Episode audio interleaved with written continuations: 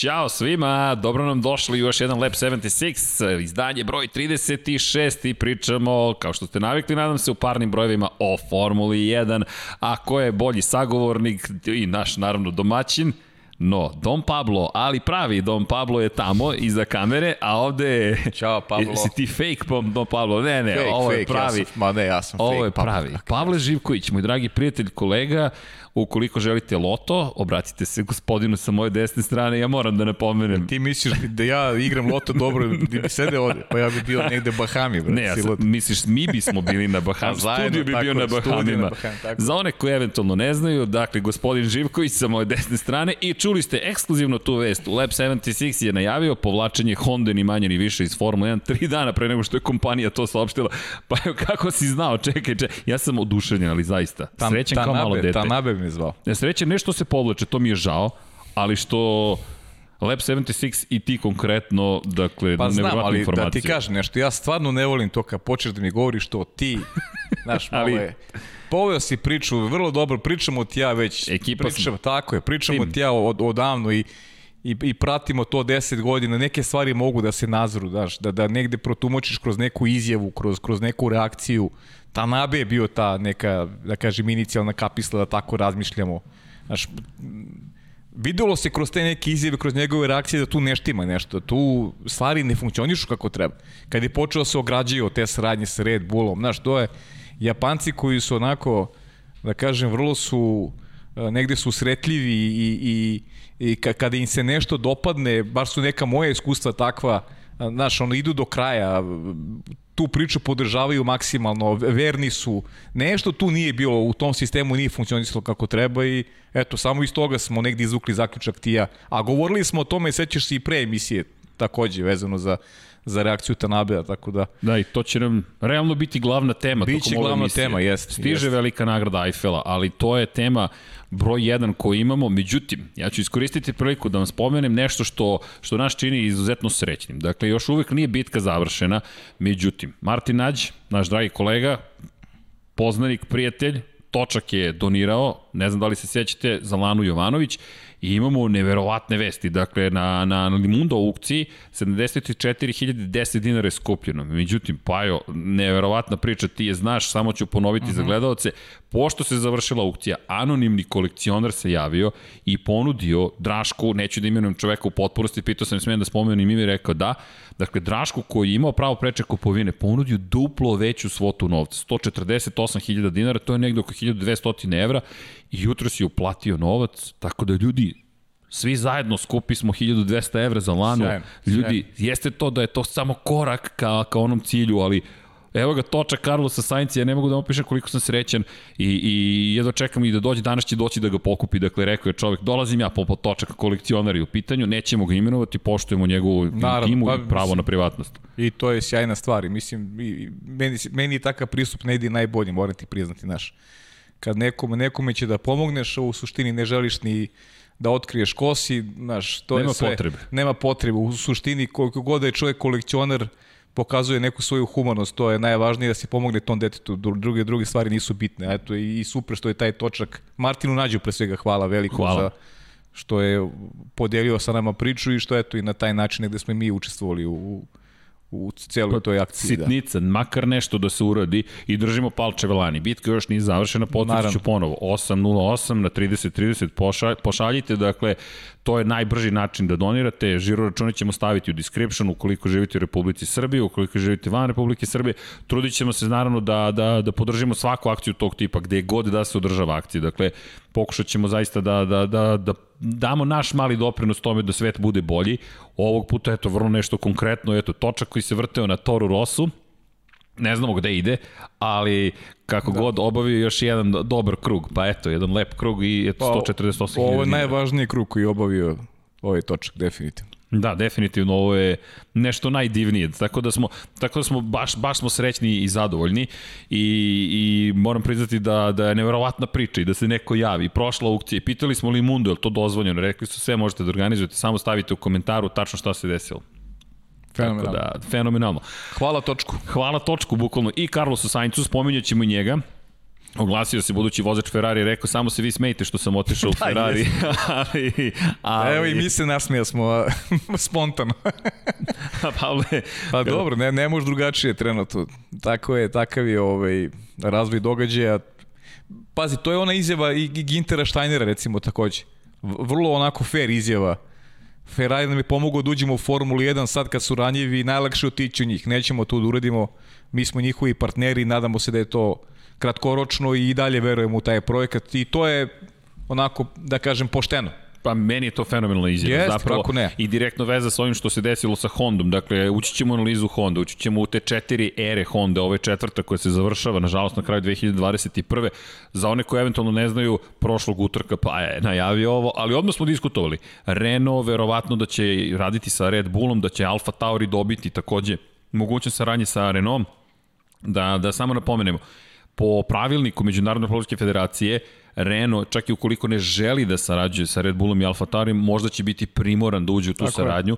s obzirom na činjenicu da morate da snabdevate timove koji nemaju zvaničnog snabdevača. Dakle, Renault je taj koji, to smo isto rekli, koji prelaskom McLarena u redove Mercedesa naredne sezone snabdeva samo svoj fabrički tim ima kapacitete i mogućnosti. To je nešto što si ti rekao prošlog utorka. Da, tako timski, da mo, timski. Tako da možemo i tu ovaj izjavu da, da pustimo, da ponovimo i i mislim da će to i dogoditi. I to smo takođe prišli prošlog utorka ukoliko Honda izađe da, da je Renault nekako najlogičnije da Renault sarađuje sa... Iste su na majice, to bi moglo da bude kao da, da smo snimali istog dana. Jest. E da, i oni koji pitaju gde mogu da ukradu majicu, dakle... Neće otkriti svoju adresu, naravno, a i, i trebali bi da se penjete na peti sprat, nije baš ovaj poželj. Tako da, mada, mada, svašta, svega smo se nagledali kada je sposobnost generalno u pitanju da se dođe do... Ništa, počet ćemo da štancamo majice, ne vredi. Da, e da, apropo majci, dakle, bit će ih na sajtu infinitylighthouse.com. E da, vreme je za drinking game, evo, Dom Pablo mi re, napominje, apropo si rekao, eto,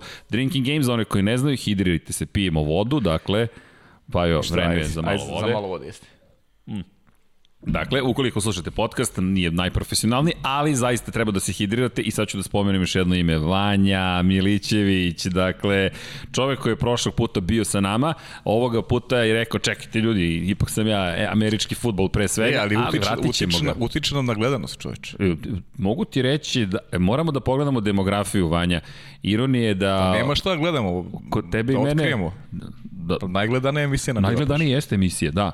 I ono što mene zanima jeste da li se generacija Z pojavila u celoj priči, ali Vanja svaka čast inače.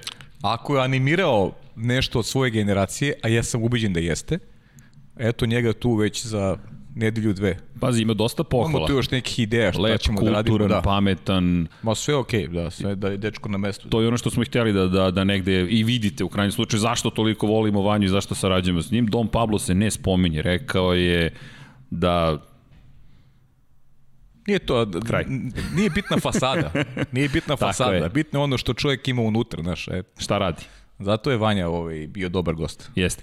Dakle, Vanja, bio si u toj emisiji, sada već možemo da pričamo kultnoj, kada je bilo reči o Hondi i da se vratimo na Hondu. Dakle, i da, da ne zaboravim za majice, infinitylighthouse.com, napravit ćemo sajt, iako smo, ljudi nas je nekolicina i cijela ekipa radi baš mnogo, tako da ne stižemo nužno sve da uradimo kako, kako bismo hteli, ali nema planova onih klasičnih ljudi, vrlo smo iskreni.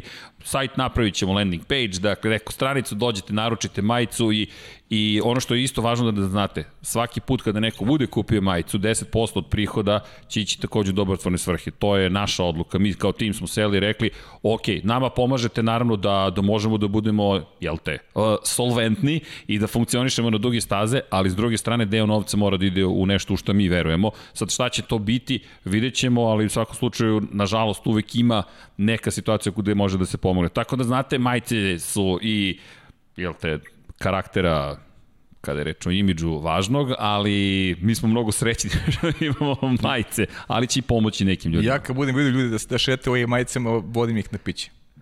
Opa, Pajo. Kad to bude počelo da se dešava, Nadam... da vidim ljude u majicama da šetaju gradom. Nadam se da ćeš teško do studija onda. Pa, Mada. Znam put. Obeležit ćemo ga jasno. Kamenčićem. Dakle, kamenčićem, tako je. Dakle, Honda u Formuli 1, to nam je tema broj 1 jednostavno to je šokantna je bila vest. Dakle, koliko god da smo mi spekulisali i pričali je, o tome da. da je moguće, zaista niko od nas nije, budimo sada iskreni, Iskreno. potpuno. Niko nije očekivao u petak da će Honda izaći sa zvaničnim saopštenjem da kaže mi se na kraju 2021. povlačimo iz, iz sporta. Kako si ti reagovao? Me, mene je zateklo, moram ti priznati. Pa ja sam reagovao na kako i ti, znaš. Sjetio sam se naših priča i to je to. Kaži ti, negde mi, kako bih ti rekao, znaš, čovjek može da, da laže drugi, da, da, znaš, da mu ne bude negde, ovaj, kako bih ti rekao,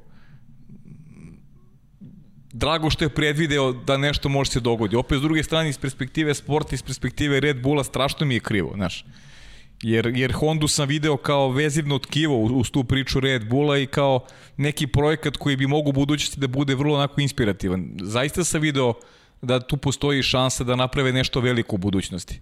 Jer ti ja pamtimo neka prošla vremena Honda i koliko je ona značila u Formuli 1 i ja da. inspirisan time sam zaista video, sudeći po ljudima koji rade unutar Red Bulla, bio sam siguran da je to nešto, da je to onako jedna garancija za lepu budućnost, a ta dva projekta zajedno. Međutim, očigledno da stvari nisu funkcionisale najbolje, Uh, srđene ta dva kvara koje su se dogodila vezana Mugello i, uh, i Monca su sigurno uticala negde i na, pa, na, neku, na neku dalju saradnju.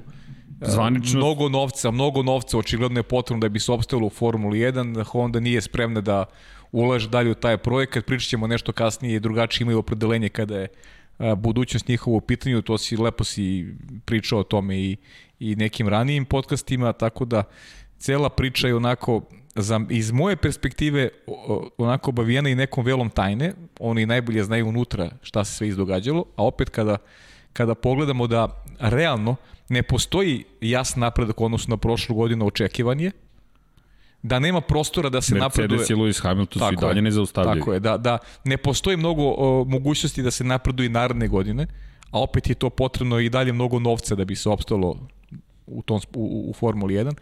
Tako da negde Honda kada je vagala, znamo Japanci koliko su praktični, iz cele te analize su shvatili da je najbolje da se iz celog projekta povuku, nažalost. Da, zvanično saopštenje kaže da zapravo do 2050. godine planiraju da budu neutralni kada je reč o zagađenju ugljen dioksidom, dakle carbon neutrality, takozvana neutralnost kada je reč o, o, o ugljeniku, ali to je to je početak procesa. Ono što da. je ovde pitanje jeste kako će se ovo odraziti na celokupnu Formulu 1. Dakle, ovo je odustajanje jednog redkog proizvođača koji je ušao u poslednjih 15 godina u sport. Dakle, mi smo, ako se vratimo na kraj decenije koje, pa čak nije ni sad prethoda, već pred, predposlednja decenija, ako tako posmatramo stvari, 2008. 9. Ferrari, Mercedes, Renault, mi smo to imali. Honda je poslednji put izašla 2008. To je prethodni put iz Formula 1, napustila kao proizvođač agregata, nastao je Ross Brown Grand Prix, Ross Brown je kupio ekipu, uzeo Mercedesove pogonske jedinice,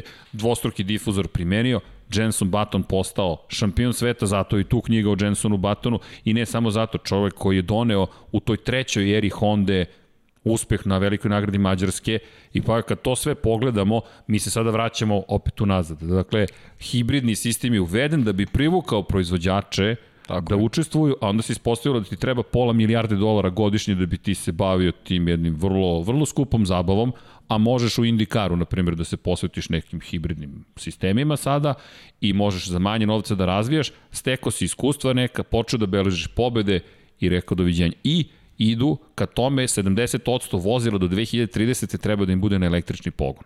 Što opet je u prilog Formuli E pre svega.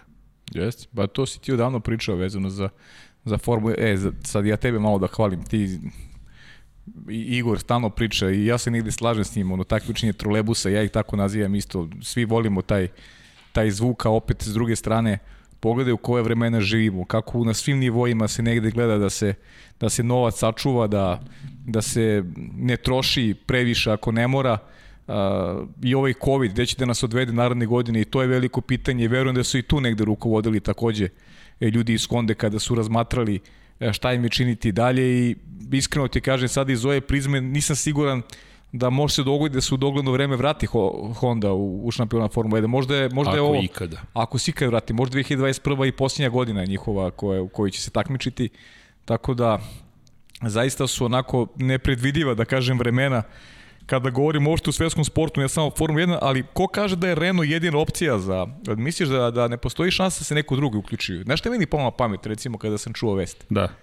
Znaš, dolazak Stefana Dominikalija, Stefana Dominikalija za šefa Formule 1, znaš, znaš gde je radio pre toga. Lamborghini mu je tim fabrika koju on podigao. Podigao na jedan... Vratio je na noge. Je, vratio je baš na noge. A vratio. kojoj grupaciji pripada? Volkswagen grupaciji. O tome ti pričam. A s kim je blizak Red Bull? Tako sa je. Volkswagenom. Tako je. I onda sad te, cela ta priča Audi, Volkswagen, Ducati, nemoj zaboraviti Jest. kada je reč o dvotočkašima, Jest. i Lamborghini ima i te kako tu posla. Problem je u sledećem. Do početka nove sezone Formula 1 2022. godine, ne, ne 21. 22. Da, je 18 meseci.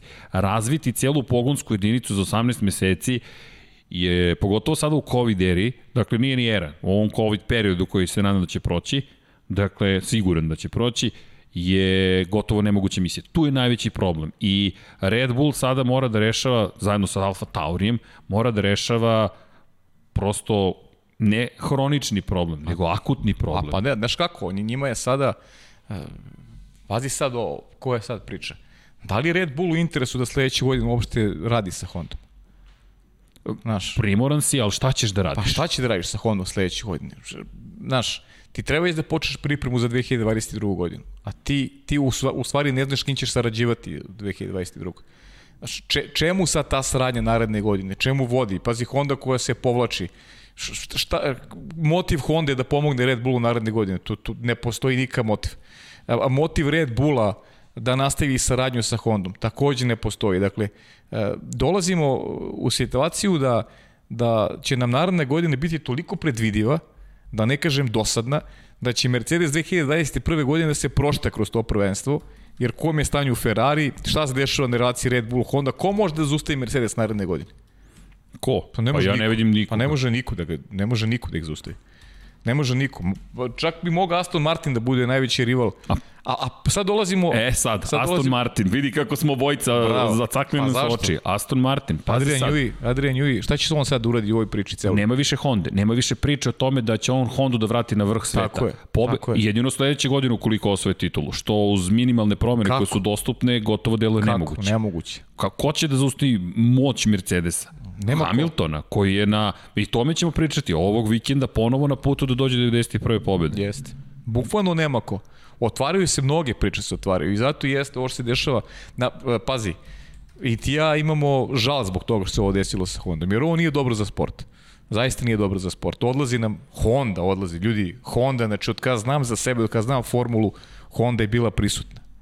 Eto, imali ste jedan kraći kraći odlazak iz Formule 1, svi smo se radovali povratku i sada kada smo pomislili da stvari sa Red Bullom mogu da budu dobre, pogotovo iz prizme novih pravila 2022. godine, odjednom ti, ti sad više nemaš kondu, lepo si rekao, umesto da te motivišu da novi, da, da novi proizvođači, proizvođači ulaze, ti ostaješ bez Honde, ej. Ostaješ bez Honde, to je, to je, a ovo sa Aston Martin je velika stvar, nego, nama je, mi ćemo sada da napravimo malu filmsku magiju. Vanja, Ajde. Nama je upravo u studiju stigao anonimni kolekcionar koji je došao po točak. I Jeste. nikad ne prekidamo podcast, nećemo da snimamo čoveka, ali sad ćemo da napravimo ono tuf tuf i da se vratimo bez točka iza nas. I mnogo sam srećan, a dakle, ne zamerite što pravimo pauzu, bilo, redko ovo radim. E, ja toliko veliki pozdrav za, za, za gospodina, ja bih tako volao da, da on sedne ovde s nama i da, da, da popriča bar 3 minuta, ali naravno veliko Poštujemo. poštovanje i ja kažem, Poštujemo. ja, ja pogotovo ovakav vid e, priče poštujem i iskoristit ću samo priliku da ga pozdravim i prekidamo. Za trenutak ćemo... Za trenutak, a to će za vas biti tuf tuf. Tuf tuf, da. Nestao točak. nema, ne, nema točka, nema točka. Nestao točak. Kakav osjećaj, Pavle? Nevjerojatno, da. I... Fenomenal. Neko dođe jest, jest. i kaže ne želim ništa da se zna o meni, sve je okej. Okay. Ja sam Učinio dobro delo, pritom voli auto, motosport, zaljubljenik, veliki zaljubljenik, dobio točak. Ako budemo mogli se odužimo nekad, Tako Nadam se da ćemo to učiniti. Inače, za Draška koji je prepustio, imao je pravo preče kupovine na Limundo, ali Draško se javio i rekao, ljudi, duplo veća ponuda meni, ja, ja ovo ne prodajem, neka samo ide lani i prepustio je, spremili smo poklončić, Ferrarijevi navijač, tako da ćemo naći nešto od Ferrarijevih elemenata da, i pokloniti mu. Tako da i za Draška stvarno. I za anonimnog kolekcionara, i za Draška, i za cijelu ekipu, i svi vas koji ste i učestvovali u nadmetanju i priširili priču, pa ja sam potpuno oduševljen. I naravno, uvek smo tu da podržimo ovakve akcije i u budući, naravno. Mislim da smo prvi put srećni što je nešto otišlo iz studija, što nam je prazniji kadar, Jest. ali namerno smo ga ostavili, neka, neka, to je deo neke lepe priče. Uh. Pa dobri, neke druge stvari iz studija ako će pomognu u, u, u tu svrhu. Neka idu. Neka idu, naravno. Neka idu, zaista. Neka idu, a nabavit ćemo ih mi još i već smo pisali nekim ljudima. Ja sam ljudima. spreman, evo i ove šolje da se odreknem, ako će da pomogne. Čekaj, čekaj, ne, ja ću da ti otkupim, mora da ostane tu. Dakle, u, da, čekaj. Misliš, zašto? zašto čekaj, da se vratimo na Hondu. A, a trebalo je ti tu da osvoji Max Verstappen, pa, da dobro, ti ne Max, bi pojeo pa, dobro, šolju. da, ali to sa nema veze sa, nije to vezano za Honda. Za, za Red Bull. Pričamo o Maxu. Da se vratimo u toj priči pazi, nekoliko pa ne, sad, stvari si ispleo sad. Pa da, pa dobro, idemo sad oko Maxa. Šta će biti s Maxom u Red Bullu? Šta to će je pitanje, biti da. s Maxom? Šta će biti s Aston Martinom? Aston Martin do kraja ove godine je jedan od sponzora, glavnih sponzora ekipe Red Bulla. Yes. Međutim, osniva svoju ekipu, završava se ta saradnja. Aston Martin, negde naša kalkulacija i generalna kalkulacija će teško moći da napravi motor, ako uopšte bude to želeo, za 2022. možda nekada kasnije. Međutim, Gde je sada tu Red Bull? Dakle, ostoje bez Aston Martin. Aston Martin vozi za sebe, ima Mercedesove pogonske jedinice, kompletni hibridni sistem je Mercedesov, Honda izlazi, Renault deluje kao najozbiljnija opcija, ali da li Renault i Red Bull mogu da uspostave tu vrstu saradnje? Ajmo sad pa, to. Možda će morati. Koliko Znaš, je uvreda bilo morati, izgovoreno? Pa bilo je, pa mislim srđane, koliko je bilo u nekim drugim oblastima i Mir, mir, mir. Liči, pa mislim, ni interes, oko interesa se ljudi opet la, lako spoje, na što... Lepo si rekao, povratak Jedi-a, dakle... A, da.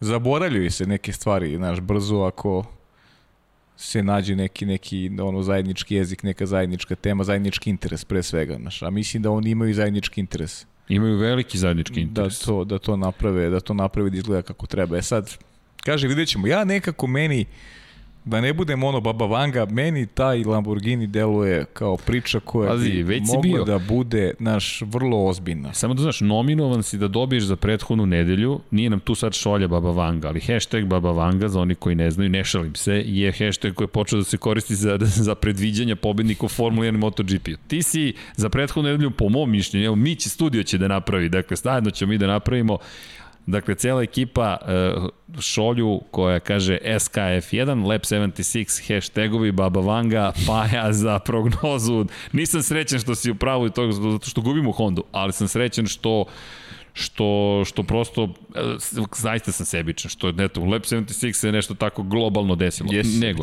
da ja sam, krajnje sam u ovoj situaciji, dakle, timski, ali kada govorimo o nastavku, dakle, Renault, je dobio teške uvrede na svoj račun kada jeste, su se razilazili. Jeste, da. Bitka kada su angažovali, kada je Renault angažovao Daniela Ricarda i taj kadar koji je bio u Netflixovoj emisiji, inače Netflix je bio u Rusiji, pa eto Netflix kako se pojavi nešto se desi. Dakle, Netflixova ekipa dođe u Italiju da snima Ferrari, Ferrari doživi debakl. Prošle godine Netflix dođe da snima u Nemačku Mercedes, debakl. Sada dođe u Rusiju da snimaju koga god i mi ostanemo bez Honda. Netflix ima dobre serije, ali pošto, ljudi, budite milosrdni prema nama ali vraćamo se, vraćamo se sad na ozbiljnu temu. Red Bull, Renault, četiri titula osvojio Sebastian Vettel u toj kombinaciji, četiri titula su zajedno konstruktora osvojili i to je sve izgledalo savršeno do hibridne ere. Renault sada polako li sigurno napreduje, deluje sve ozbiljnije, vidimo s McLarenom kako to funkcioniše. Zamisli sada Red Bull, Renault, da li je to sada već pobednička kombinacija, potencijalno? Pa mogli bi da bude. Mogli bi da bude. Pa, mislim, pazi, bilo je mnogo primjera, znaš, i na nekim drugim nivoima. Ne želim sad da pričam ovde o tome, mislim da, da nije ni potrebno, znaš.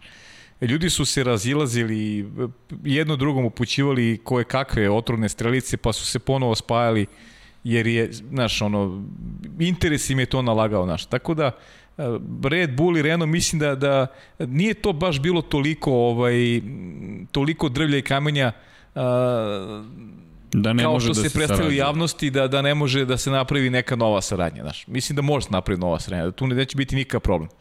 E, problem je samo koliko je, koliko je Renault u ovakvoj instalaciji snaga. E, znaš, ja mislim da su oni sad u poziciji Ferrari i Mercedes. Možda to nekim zvuči čudno, ja zaista tako mislim. Da oni jesu sad u poziciji Ferrari i Mercedes. Da, da im nije baš interes da imaju za, za sarad, uh, spoljnog, po znacima navoda, saradnika Red Bull Ko ih pobeđuje Ko ih pobeđuje McLaren ih pobeđuje. Tako je. E, nije im to baš interes. I tu mislim da možda da bude neki problem.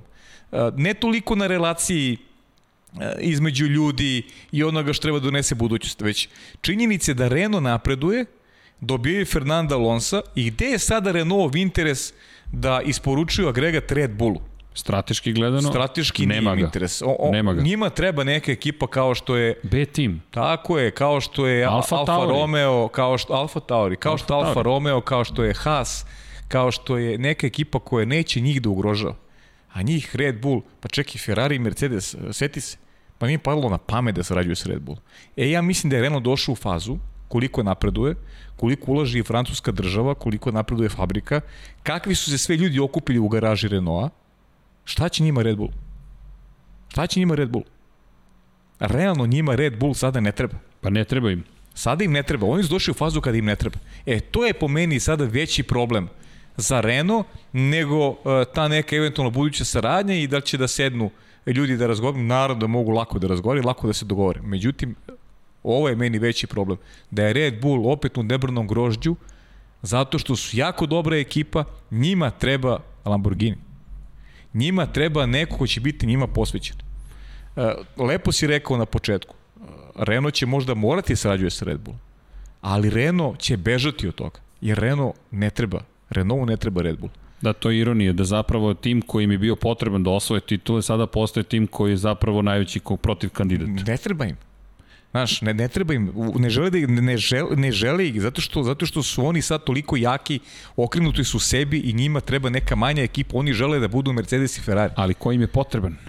Ko potreban im je vozač. Potreban im je vozač. Fernando Alonso dolazi i sve je ozbiljniji i ozbiljniji i ozbiljniji Fernando Jeste. Alonso u svojim izjavama makar. Dotaći ćemo se izjava.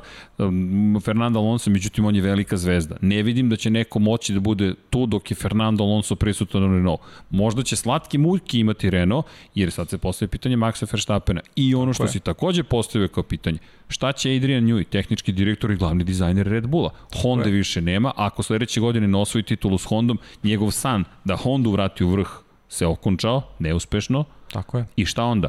A Aston Martin zove.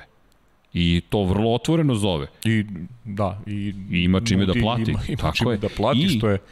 A i pro, pritom ima tu vrstu motiva o kojoj ti stalno govoriš kad je Adrian u pitanju, da, da radi nešto novo, da, da jedan novi projekat dovede do vrha. I projekat- Nešto što njega inspiriše celog je. života. I ima projekat Valkiru. No, dakle, on je beži od Ferrari, on je mogu da do Ferrari, čovjek toga nije zanimalo. Ne, a- njega, njega zanima nešto novo, nešto inovativno, nešto što čemu će onda da neki svoj pečat. A Aston Martin, to smo rekli, sa Adrianom Neweyom i Red Bullom je radio na Valkiri. Dakle, na hiperautomobilu koji je čedo Adriana Newey-a. I sad se dolazi do toga da ima novca, Honda više nema u Formuli 1, koji si, ti sada imaš, imaš izazov u Red Bullu. Pa imaš izazov koji si već prošao, a to je da nađeš snabdevača i osvojiš titule. To je već štiklirano, to je završeno. Možda će novi izazov biti sa Aston Martinom nešto više da postigne, ko ima i novu zvezdu. Ima Sebastijana Fetela. Dakle, kada je reč o Maxu Verstappenu, pitanje je gde će Maxu biti otvorena vrata. Verujem da svi žele Maxa, ali da li možeš da ga staviš u Mercedes sa Lewisom Hamiltonom? Teško, Teško. teško. Budimo realni. Renault sa Fernandom Alonsom, teško. Isto teško. Aston Martin sa Sebastianom Vettelom, opet, teško. Ponavljamo se, ali postaje Jeste. sve teže i teže. Ferrari, Ferrari, ima Charles da, Leclerc da. i Carlosa Sainca. Da, i pritom Ferrari kakav je, kakva će biti naredne godine, znaš, nije, nije nešto posebno inspirativan ni za Maxa, verovatno. Izvini, Ali teško je nešto napraviti sad, promeniti postavu sada. Doveli su Carlosa, imaju Leclera. pa Teško. Mislim, Maxu i Red Bull 2021. je jedina opcija. Pitanje je šta će biti u 2022. to, je o ključna tome, stvar. tome i razmišljam. Da. Gde ti se otvaraju vrata, ali A videli pritom smo ta saradnja se... Red Bulla i Honda, srđe, znaš, to, to ti isto kao, ja uvek poku- pokušam da budem ono, pragmatičan negde, znaš, da, da, da pričamo realno. Znaš, ti ja sad rad- radimo 10 godina, znaš, i sad ti kažeš meni sad, pa nešto ja sam rešio još sledeće godine, ti i ja i više ne radimo zajedno, znaš, i to je e, potpuno, potpuno drugačiji odnos istog momenta nastaje drugačiji odnos. znaš. Apsolutno. Tu Ti- više nema neke, kako bih ti rekao, neke ovaj, Pa nema te veze. Nema, ne postoji. Priča se o hemiji. Da, iz... nema, nema te, je, te hemije više nema. Jer, jer ti si, čim je neko odustao od nekog, od, od, od nekog projekta, od neke osobe, od, to, to više nije tu to. veze nema. Nema više. To ne postoji veze. Ne. A to su veze. Kakve god da su, to Ka, su veze. Tako je. I onda ti kad razmišljaš no, o Red Bullu, znači ja, ja mogu zamislim kakve su procepi sad u glavi Maxa Verstappena, koji je jedan dečko vrlo ambiciozan, što, iz, iz najpozitivnijeg mogućeg ugla. Naravno. On je takve klauzule titul. pravi, on želi titul, on želi da, da mu je neko posvećen, on želi da se bori za... Šta je dobio sada? Znači dobio je šamar, jedan je, ozbiljan šamar je dobio, dobio je jasan signal da da naredne godine on, on, on nema tu šta da traži u, u duelu sa Mercedes. Šta, šta da traži? Ali zašto je, zašto je ovo tako velik šamar? Evo, Vanja, ajmo da iskoristimo priliku, evo vreme za hidrataciju, da vidimo o čemu mi pričamo kada govorimo o Hondi. Pogledajte ovo, ovo je hiljadita trka, Šangaj, Honda da. i Red Bull. Dakle, gledate delić istorije. 77 pobjeda ukupno ima Honda. Možemo da idemo do, kroz slike, čisto da vidite, pogledajte ovo, Baknam, Dakle, mi ovde govorimo o, o istoriji Honda. Dakle, za, čisto da se razumemo... 64. Tako, tako je, to je 64. Dakle, kada govorimo o, o Roniju Baknamu... Moram stavim ne vredi. Čovek koji je, o, još ovog, pa je, Karl, Clark, Clark Kent se da. pojavio, dakle, ok, sad identitet, dakle, gotovo. Ovo je čuveni bolid, RA271, nema veze, idemo dalje, Vanja. Ali onaj bolid zašto je važan? Pogledajte ovu scenu. Pogledajte ovu scenu, ovo, su, ovo je prva pobeda Red Bulla i Honda zajedno. I Max Verstappen koji pokazuje na prstima na Hondu. Oni koji slušaju, dakle, preporučujem bacite pogled na YouTube-u na te kadrove. Ne možemo prosto sve da vam prenesemo, ali tu smo da ispričamo. Ruke visoko podignute, Bottas aplaudira, Charles Leclerc ne može da prihvati taj poraz, to je čuvena ta trka da, u Austriji da, 2019. Kad je, da, kad je vodio, Charles Leclerc je izgubio finišu. Tako je, pogledaj ga u kada pozadini. Je, kada je Honda pokazala da može da se da se takmiči sa Ferrarijem kada pričamo o tim brzinskim svojstvima. Pogledajte tu radost, tu emociju, emociju i, i Japanaca koji su uh, sve više, da kažem, i dolazili, posećivali staze, verovali u taj projekat. Pa da. Evo ova scena, izvini. Pa, pa pazi ono što smo, da, pazi Pogledaj, ovo. prvo i treće prvo mesto u Nemačkoj. Mesto, da. Danik, Vjaca, Toro Rosso. Pa to ono što smo pričali, sećaš, ja sam stvarno bio optimista kada je Honda u pitanju. E, pogotovo on, onda nakon onog dolaska, nakon dolaska u Red Bull. Da. I, I stvarno je izgledalo sve kako treba, ali, ali eto, negde, kažem ti, negde inspirisan Tanabe je mene inspirisao, tačnije mi je stavio onako da se zapitam, ono, prst na čelo. Šta se tu da, događa? Šta se, da, da tu nešto nije u redu, zaista. Ta njegova izjava je bila, čini mi se, prekritica. On je tada već e, najavio evo, da... Pogledaj ovu radost. Pogledaj, za, pogledaj ne, ovu radost. Pogledaj, to je japanski deo ekipe. Što same Honda, što kada govorimo o predstavnicima Red Bulla. Mislim da je prosudio taj sportsko-ekonomski deo, pre svega, čini mi se ekonomski deo, period u kome živimo težak i Honda koja je očekivala na veći napredak u odnosu na prošlu godinu, a nije dobila znaš, ekonomija, COVID-19 koji nam diktira uslove življenja. Bukvalno. Sve više i više opet ulazimo u fazu koja je, koja je zaista onako ni malo obećavajuća, ali tako da kažem.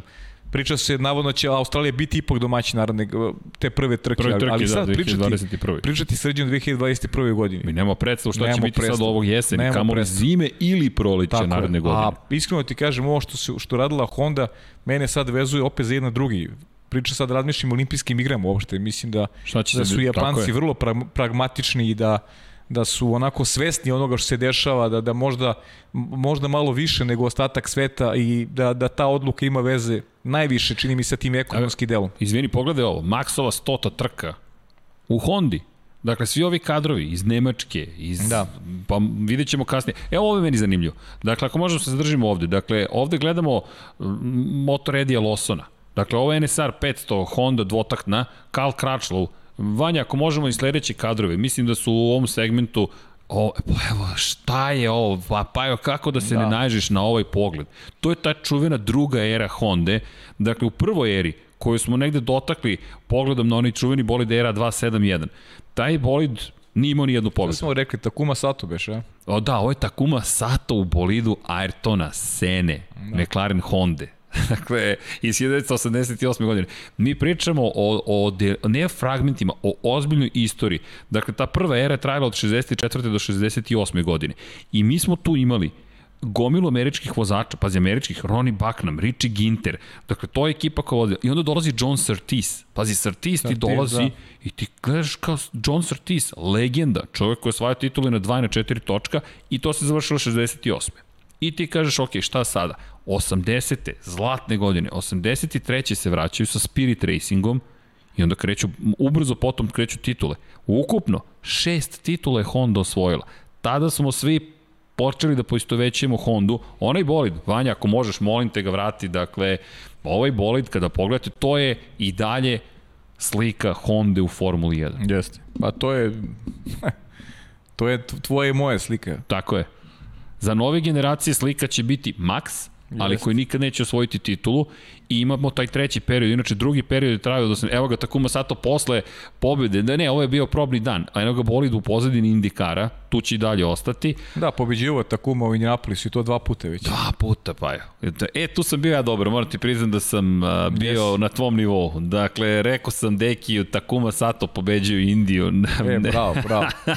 I da, da ima, nismo loši ove godine. Evo ga i Takaki Solidni Nakagami. Smo, da. Evo pogled, pogled ovo je Brazil prošle godine. Brazil, prva, druga pozicija. Znaš šta možda bude ironija cele priče? Dobro, u stvari ima vremena još. Ja sam malo na početku napravio ono lapsus jedan, naravno i gledat ćemo mi Hondi naredne godine, ali... I ove i naredne. I ove i naredne, ali, znaš... Može da se desi. Može se desiti da Pierre Gasly bude posljednji pobednik za Hondu, da. Imamo i te kadrove, ali pazi, Alfa Tauri Honda bi mogla da bude poslednja pobednica. Evo, evo deliće istorije. Pogledajte zašto se bavimo Hondom. Ovo je udarac kao neko kad udari u stomak i ostaneš bez daha. To, to je ono što je Honda uradila, ali razumemo je.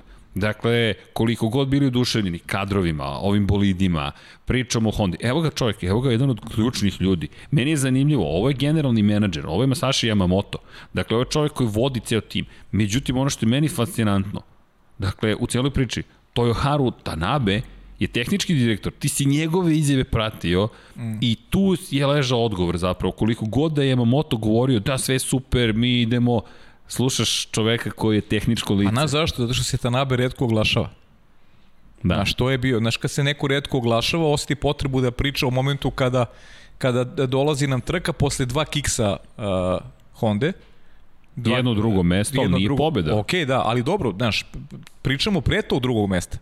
Znači, da, pričamo čak... pre trke, znaš, pre trke, to su, jest. to su izjave Tanabe, a pre trke. Jeste. Znaš, I, I onda čovjek odjednom počinje priča, vidjet ćemo, ne znam, daje neke izjave u rukavicama, znaš, uvijene u oblande, nešto, znaš, sve mi je to bilo sumnjivo, baš mi je bilo sumnjivo, znaš ne, nekada možeš jasno da protumačiš, a do, to je to sad znaš neko neko iskustvo i ono što Pa jeste, i novinarsko iskustvo, pa ono što pa dugo, i dugo imaš. pratimo zaista, imamo imamo zajedno to, imamo imamo informacije imamo, pa, neke insajderske, pa normalno da ih imamo posle toliko godina Neki praći. put su tačne, neki put pa, nisu. Tako je, to je to, jasno. To vam je tako. Evo evo ovo je jedan od razloga. Honda Jazz sa leve strane, s desne Alfa Tauri i mi pričamo o tom komercijalnom aspektu. Dakle, šta želiš da razvijaš u budućnosti? Ako ti je cilj da za 10 godina imaš električna vozila, Formula da. 1 nije spremna za električnu budućnost. I ono ne. što je meni tu veliko pitanje kako će i da li postoji budućnost pa, Formula 1. Jesi ti spreman? Pa pazi, za, za, za, za Formulu 1 be, u električnom svetu. Da. Ne. Pa ni ja. Ja je ne pa, vidim. To ti kažem. Pa, ja se bojim da je to, pa, to da, nije da, to, ulazimo u kraj. Pa ulazimo u kraj, da. Da ulazimo bukvalno... U, u, u, toj, u toj varijanti ulazimo u kraj. Teško mi je da izgovorim to. Jer ja iskreno ti kažem, koliko god da, znaš, poštojem i te momke, ja Formulu E ne mogu da gledam. Evo, Formula E? Ti ga, ne mogu da gledam. No, ok, rekao ne mogu. Formula 1, znači ne, ne, Formula, Formula E. Formula ne, e. ne mogu da gledam. Zaista. Jasno bi. Sa, samo ne mogu. Poku, pokušavam, ne mogu. Zaista ne mogu. Jer nije to samo pitanje brzine, to je pitanje pa, i atmosfere, svega, svega, svega. I istorije, koja se sada piše. I mi... Znaš, to su te neke, neke, naš, trke, neke ulične, neke, naš, on, mislim, ne, ne dopada mi se ceo sistem, naš. Jasno mi. Ne mogu da gledam, jednostavno, ne osjećam, ne osjećam se da tu pripadam, naš. Znaš u čemu ja uživam? Znaš, e, kako bi ti rekao, naš, sutra može se desiti mi kaže neko je sutra da radiš to. Bilo bi mi teško da, da, znaš...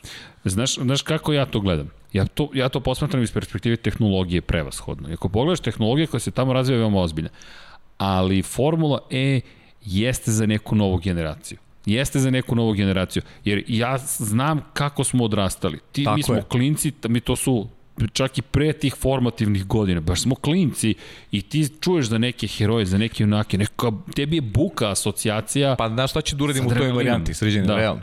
U toj varijanti, ako to bude budućnost, Formula E, bez ovake formule, ja ću da se povučim da kažem, evo, ovi koji razumeju mlađi, izvolite, vi radite, vama je ovo, vama pripada ovo, meni to ne, meni ne pripada to. Ja, ja to ne mogu da radim. Razumete? Vrlo jednostavno, razumeš? Evo, pa pogledaj, ovo, ovo, je, ovo je Honda u, u, u... E, ovde vas pozivam da gledate um, zapravo Lab 76 broj 1. Zašto? Za oni koji eventualno ne znaju, pa nadam se da ćete baciti pogled zapravo. Vrati, vrati Vanja, molim te, ono je... Dakle, ovo je deo istorije. Zašto? E, govorimo o... Govorimo o počecima Govorimo zaista o, o počecima i govorimo o tome kada se Honda uopšte pojavila u šampionatu sveta. Dakle, kada govorimo o, o Hondi, moramo da dođemo do 61. godine. Ljudi, 1961. godine i da pričamo o nekom drugom vremenu. Dakle, sećam se ove emisije, ovo smo snimali na Adi. Dakle, Tom Phillips koji je osvojio titulu 125 kubika, ali Honda koja je koja je te godine napravila zaista boom jedan praktično i eto pozivam vas da pogledate Lab 76 broj 1 s obzirom na čini smo se malo bavili u tom trenutku šta sve Honda postiže, zašto smo se bavili pa u tom momentu koliko to sad davno. Ej ljudi, sad će nam godišnjica, 27. oktobra stiže godišnjica Lab 76 Jeste da smo hiperaktivni u 2020. Moguće. Da. Sveđeni. Ona prva emisija, sećaš se kad, kad smo Žarko i ja uzeli mikrofon GoPro, izašli na Adu i gledali lišće i kao snimamo i znam da, da, da je bio komentar super, nešto se pokrenulo, evo nas u studiju koji niko od nas nije suštinski planirao, nego smo krenuli sa snom, evo ti sad Honda, Power of Dreams, moć snova, a prvo mi smo emisiju snimili tek u maju. Dobro, zajedno. S tim što mi planiramo, da, u maju smo snimali prvo. Prvo. S tim što mi planiramo da se povučemo ovi za neki 20 godina. Tako je. to je neki rani plan. Dakle, kad dođemo mi do... O, Vanja je. Vanja je krenuo u istoriju. Pogledajte ovo. A, evo ga. Soichiro Honda. Soichiro Honda. RA 270. Dakle, kada govorimo o Hondi i kada govorimo o, o nastupima u šampionatu sveta, ovo je šasija koja je pre, pre, preteča, ovo je februar 1964. Četvrte. I mi o čemu pričamo? O gospodin koga ovde vidite je... Ko je februar? Ne znaš ko je februar? Ej, znaš šta dole desno lepo piše? E, piše, a? I ne vidim. Predivne, a da, nauče da se skinuo. Dakle, vidi, ono što je fenomenalno u celoj ovoj priči jeste ta ideja Soichira Honda, dakle Soichiro Honda koji je čovek koji dolazi posle drugog svetskog rata, to Vanja, to. Pogledajte ovu lepotu. Pa pogledajte kako stvarno, to izgleda. Stvarno, ovo je lepota, stvarno. RA271, Pogledaj nema aerodinamike, ovo je mehaničko oslanjanje od početka Šta do kraja. Šta bi dao da mogu da, da, da provozam malo? Da, uh, ali ja mislim da bi nam srce stalo. Uf. Dakle, i Don Pablo ušao u kadar, Vanja je izveo ovde čudan jedan prelaz, ali mislim da će u postprodukciji sada dobiti zapravo, a izgovorio sam ime, mislim da će pasti pip, ko je Don Pablo. Mora da sečemo ovo. Da, da, dakle, mislim da smo već isekli u postprodukciji, da je to Vanja već završio, zapravo da se ništa neće videti. Vanja je mag. Vanja je mag. I zašto pričam sa ovoliko uzbuđenja? Ljudi, govorimo o periodu i to se nadovezuje na Formulu E o periodu koji, mi smo ta generacija X, to smo prošli put pričali, ali koji je došao posle drugog svetskog rata. Dakle, nismo baš bili blizu drugog svetskog rata kada, kada smo se rodili, ali... Ne preteruj, sveđene, stvarno. Nije u redu. ali, ono što hoću da kažem jeste da, da zapravo pričamo o jednom drugom periodu i u tom momentu Japan koji počinje da se zapravo poravlja, neposredno posle drugog svetskog rata. I Sorichiro Honda je obeleži jednog vremena, dakle, koji je hteo da pokaže i demonstrira šta sve Japan može da učini. Dakle, osnova je kompaniju bio inženjer, industrijalac, tako, tako je, to je njegov zvanični opis, ali čovek koji je krenuo iz svoje šupe, kada pričamo o startupima u šupama, sada u Kaliforniji, Silicijumskoj dolini, e pa evo kako može da izgleda jedan startup, odete i sanjate ove snove. Pogledaj kako to dobro izgleda. Dakle, fenomenalno. I to je inače verzija iz 65. kada govorimo o uspesima. Prva pobjeda je pala te godine u Meksiku i Honda je na taj način počela da trasira jedan put. Međutim, tek 80-ih su do, došle neke nova vremena, nemamo previše kadrova legalnih, dakle, koje smemo da prikažemo iz tog perioda, nabavit ćemo ih, ja se nadam, međutim, sve ovo je podsjetnik onima koji možda ne znaju koliko je bogata istorija Honda koliko je bogata. I sad, ova četvrta era se završava neslavno, treća era je takođe bila relativno neslavna, jedna pobjeda, Jensona Batona, dakle, to je sve što smo imali kada govorimo o ozbiljnim uspesima, ali moram priznati da nek, teško će mi pasti. Mislim da, da smo pred kraj zapravo istorije Formule 1. Ja moram samo kažem da Ove, mi zadovoljstvo delimo ovu prostoriju s ovim čovekom, od živa enciklopedija, šta sve čovjek ispriča. Veljko Petrović bi bio ponosan. Ja se iskreno nadam. Sigurno, nema šta da se nadaš, siguran sam ja u to. Nemam šta da dodam na ovo. A vidi Mora ovo. ti priznam da neke stvari ovaj nisam imao u glavi uopšte. Ovo. Evo sad slušam i uživam generalno kada govorimo o Ne, napravit ćemo jedan o, specijal. o istorijatu Honda. Da, pa da. naravno, hoćemo. Moramo. Pazi, ovo su 12-cilindrični motori. Dakle, mi ovde, dakle, mi govorimo o, o, o bolidima koji su imali 12 cilindara tada. To je taj zvuk, znaš, vrišti. Inače, 3 litre imao motor. U, u, u 67. konkretno, ovo je 3 litarski motor. Dakle, ovo je Surtisov ERA 300, 273 je takođe korišten, dakle, kao šasija V12 motor od 3 litre. kako to, pogledaj kako se to zanosi, dakle, i John Surtees, uh, e, tako je krenulo. I sad dolazimo do Formule E, neka nova vremena. Pričamo o tome da je Soichiro Honda hteo da pokaže industrializam Japana, sposobnost tehničko-tehnološkog razvoja. I ovo je bila slika koja je obilazila svet i pokazivala šta može taj jedan post-ratni Japan da učini. Mnogi su se smejali automobilima japanskim, danas se niko ne smeje. Inače, najveća proizvodnja za Hondu jeste u motociklizmu, međutim, u automobilizmu su vrlo prisutni, u takozvani tercijalnoj industriji, kada govorimo o proizvodnji aviona, od 2015. mogu u Americi da, da takođe koriste svoje avionske agregate, cijel avion, i naravno imate vanbrodske motore, na primjer, i tako dalje. U svakom to su slučaju, one kletice, one kupi Japance, neće ti iza nikada. Da, to, to, to je, da, sa, iz 80-ih su počeli, 90-ih, pa da. a 60-ih su se ljudi smejali kad se pojavila ova Honda. Pa Danas, zato što, zato što e, estetski, znaš, nije ovaj nalik da. nekim drugima, znaš. Nije tad bila, ljudi da. više polažu onako na te neke estetske momente, znaš, a ne na funkcionalnost. A pogledaj ovaj motor, ERA 302E. Dakle, mi ovde govorimo o V8 motoru, govorimo o trocilindričnom motoru i o nekom Sjajno. vremenu koje je iza nas. Ali kažem, to je ta prva era. Da, to je ta prva era i mnogo lepih fotografija ima. Dakle, prilika da se vidi koliko su i tada emocije bile iste. I evo sad prelazak na ovo. Emocija je ista. Nema veze, 2020. Ona je radost koju smo imali kadar kada se raduju. Što japanski inženjeri, što pa ljudi, dobro, da, fenomenalno. Naravno. I ovo je sada surova realnost, COVID-19, sve sa maskom slaviš pobedu. I tako. I to sad se otvara... realnost i izgleda surova i budućnost. Matsushita ovde ponovo. Da, zaista, gledajući ove, gledaš ove kadrovi i kažeš da li je moguće da... Da. Da li je moguće da ljudi više neće biti tu? Baš, baš, baš nestvarno deluje. Pazi, ovo je šesta godina od kad su se vratili e, ti kad pogledaš, kad pogledaš uh, koliko je Honda napredovala u saradnji sa, sa Red Bullom, šta su, šta su sve uradili i, i, i sa Alfa Taurijem. Pazi, Alfa Tauri koji, da. koji ima tako dobre rezultate od kako je Honda sa njima. S, sve izgleda kao projekat koji ide, koji ide onako prema nekom, prema nekom boljitku i e, da su sve bliži ovim, pa koliko su im nadmašili Ferrari ove godine, to brutalno su bolji od Ferrari. Pa Ferrari ne može Alfa Tauri da pobedi na stazi. Ne može. Da ne pričamo Red Bull, Alfa Tauri nego pobede na stazi. Ne, nisu ni blizu toga. Ali to je, kažem, to je drugačiji način razmišljanja, kažem, ja pokušavam da budem onako negde, negde realan, da, da sagledam stvari nekako iz prizme e, ljudi koji su to odlučili, znaš, poznajući tu neku i da kažem i kulturu Japana i ti, ti, ti malo bolje to znaš s obzirom da si studirao i da i da da čak zvanično da, da, da, još studiram. Zvanično još studiram, čak čak i znaš, čak čak i znaš, o, i razumeš malo. Da, po neku malo rečenicu, jezik, da, da, da. Ali stvarno mislim da su e. oni negde negde kako bih ti rekao, evo ga kadar. Da, ovo je ovo je sjajno. Austrija 2019. A to je ta velika pobjeda Maxa Verstappena proti Charles Leclerc. Kakvo olakšanje. Pazi, prva, prva trka sa Red Bullom, nemojmo zaboraviti, se desila pre godinu i po. A znaš šta, mislim, Australija. seti se koji moment, u kom momentu je bio Ferrari tada. sa Mercedesom... Koliko su, oni su Mercedes kidali. Tako je. I dakle... dođe Max Verstappen koji, na, koji sa Hondom pocepa Ferrari u finišu i dođe do triumfa. Da. I ti tada vidiš da je to, da je to to.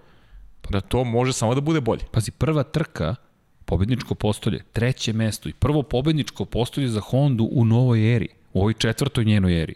Dakle, mi govorimo o prvoj trci sezone i mi govorimo o tome da si ti zabeležio plasman pobedničko postolje. I onda odeš u Austriju, ni manje ni više, domaću stazu za Red Bull, što kao proizvođača, što kao tim Formule 1 i odneseš takvu pobedu. Ali sve to će ostati negde u prošlosti i da se vratimo na motore. Honda je rekla nešto još zanimljivo. Rekla da je spremna posle 2021. da ustupi svoju intelektualnu svojinu nad pogonskom jedinicom za Formulu 1 Red Bullu i Alfa Tauri. I to sad otvara još jednu mogućnost. Dakle, s Lamborghinijem smo krenuli koji dalje ostaje tu kao otvorena mogućnost. Lamborghini, zašto mi se dopada tvoje razmišljanje? Ako pogledamo da će Renault sledeće godine biti Alpina, mi je zovemo Alpina kada lokalizujemo izgovor. Alpin jeste zvanični da, izgovor, do. ali dobro, to je sad diskusija o jeziku pa, i razvoju jezika. Nepotrebno. Nemoguće gotovo. Ali, to je sportska robna marka, sportski brend takozvani. Šta je sportska robna marka u okviru Volkswagen grupacije? Audi je već u Formuli E.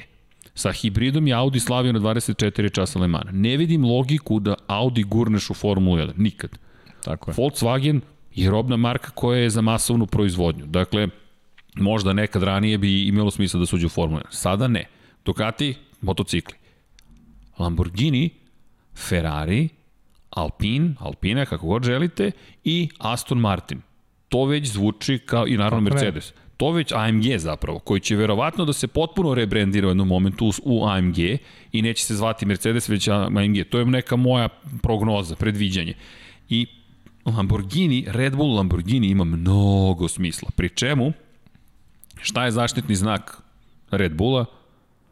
Bik. Znaš kako gledam, ovaj, možda su se neke stvari, ovaj, možda mi nismo prvi ti koji smo predvideli ovaj, šta će dobiti. Znaš, taj ulazak Stefana Dominikalija, odjednom, kad se pričalo o Stefanu Dominikaliju? Kad se posljednji put čuo? Pa čekaj, ti si pričam, spomenuo pričamo mi u kao istoriju, da. pričamo mi o njemu jedini. kao, pa da, da, da, da. pričamo njemu kao nekom, iz moje prizme posljednji pravi šef Ferrarija je bio Stefano Dominikali. I to stalno govorim. Ali kad, kad se priča o, o povrtku Stefana Dominikali u Formulu 1? To se nije pričalo nikada. Čekaj, čekaj, Pajo. Sad šala je bila pred početak emisije. Also šprah paja. Dakle, tako je govorio Pavle. Slušajte Lab 76 i gledajte. Pričaš o Dominikaliju, evo ga Dominikali. Ne, pričaš, pričaš o Hondi, da, da, jesam, pričao sam, a pričao sam kao posljednjem dobrom šefu Ferrarija. Da. Posljednjem pravom šefu Ferrarija. O tome sam i to stalno govorim. Zato što tako mislim. Ali pazi, dolazi Stefano Dominikali, dolazi Stefano Dominikali, postaje šef Formula 1, odjedno nemamo više Hondu, pa šta je sledeće? Pa iz te prizme Lamborghini je Lamborghini nešto što je sledeće. Ne, ne, nešto, ne, ne, ne, logika mi kaže da bi to moglo da bude zaista put. Znaš, ali poklapa se poklapa i sa sportskim markama. Dakle, kada pogledaš, Vanja nam opa. je nešto pustio, opa, Vanja, neki novi zvuci stižu. Ja mislim da nam Vanja sprema nešto, ali čekaj Vanja, ti kadrovi dolaze kasnije. da, da. dakle, kada govorimo o, o sportskim markama, To je, to je savršeno, jedan na jedan. Pri čemu imaš i ponovo duel između Ferrari, Ferrari naravno, naravno. Dakle, pa ko je traktor? Tako mi smo traktor. A, mi smo da, gde vidimo. Ajmo da vidimo ko je traktor. I to negde može da bude stimulativno za, za ljude koji prate i da, znaš, potrebno je formuli nešto novo. Ako već gubimo Hondu, znaš, treba nam nešto novo. Da. Treba nam nešto novo. Ajde vidimo šta je to novo. Ja, ja, ja više razmišljam u pravcu novog. Nego, znaš, e, tvoj rezon je, je ispravan za Renault, je li negde, kako bih ti rekao, logičan je, znaš? Nametnut je. Nametnut je, baš nametnut. Ovo su sada već spekulacije. Jesu. Spekulacije, Ali, ovo su spekulacije. Nisu neosnovane. Nisu neosnovane. Razmišljamo prosto šta je priča, znaš, gde se, gde se priča odvija. Ne mogu da kažem da su ovo neke insajderske informacije, nisu. O, ovo su špekulacije. I bavimo se njima, prosto kao... Spajamo neki puzzle. Tako Neku je. sliku Negde stvaramo na osnovu delića. Tako je, na osnovu onoga što da. imamo, na osnovu onoga što nam je i neko iskustvo. Pa vidjet ćemo u kom pravcu ide, jer e, zaista mislim da je formuli potrebno, potrebno nešto novo. Baš je potrebno nešto novo. Kad već nemamo Hondu, potrebno nešto novo što može da postane dobar projekat, što može opet da bude, aj kad se vratimo na Adriana Njuje. Znaš, Renault, pa on je već sa Renaultom napravio Završio je posao. Završio posao. Šta će, šta, šta gde može to? njega da motiviše Renault? Ne može da ga motiviše Renault. Ajmo, Lamborghini, aha, nešto, a, ajde vidim, imao sam, mo, imao sam motiv za života, da živimo. evo mi jedan novi motiv da probam, da probam novi motiv. Jer, znaš šta, a, plaši se samo da se, da se taj, da je ta vrhuška Red Bulla, da se ne rasturi. Oni moraju da ostanu do kraja konkursnog sporazuma, ali on će okay, brzo proći. Red Bull, ali ne mora Adrian Newey da ostaje. Nije on deo konkurskog sporazuma. Nije.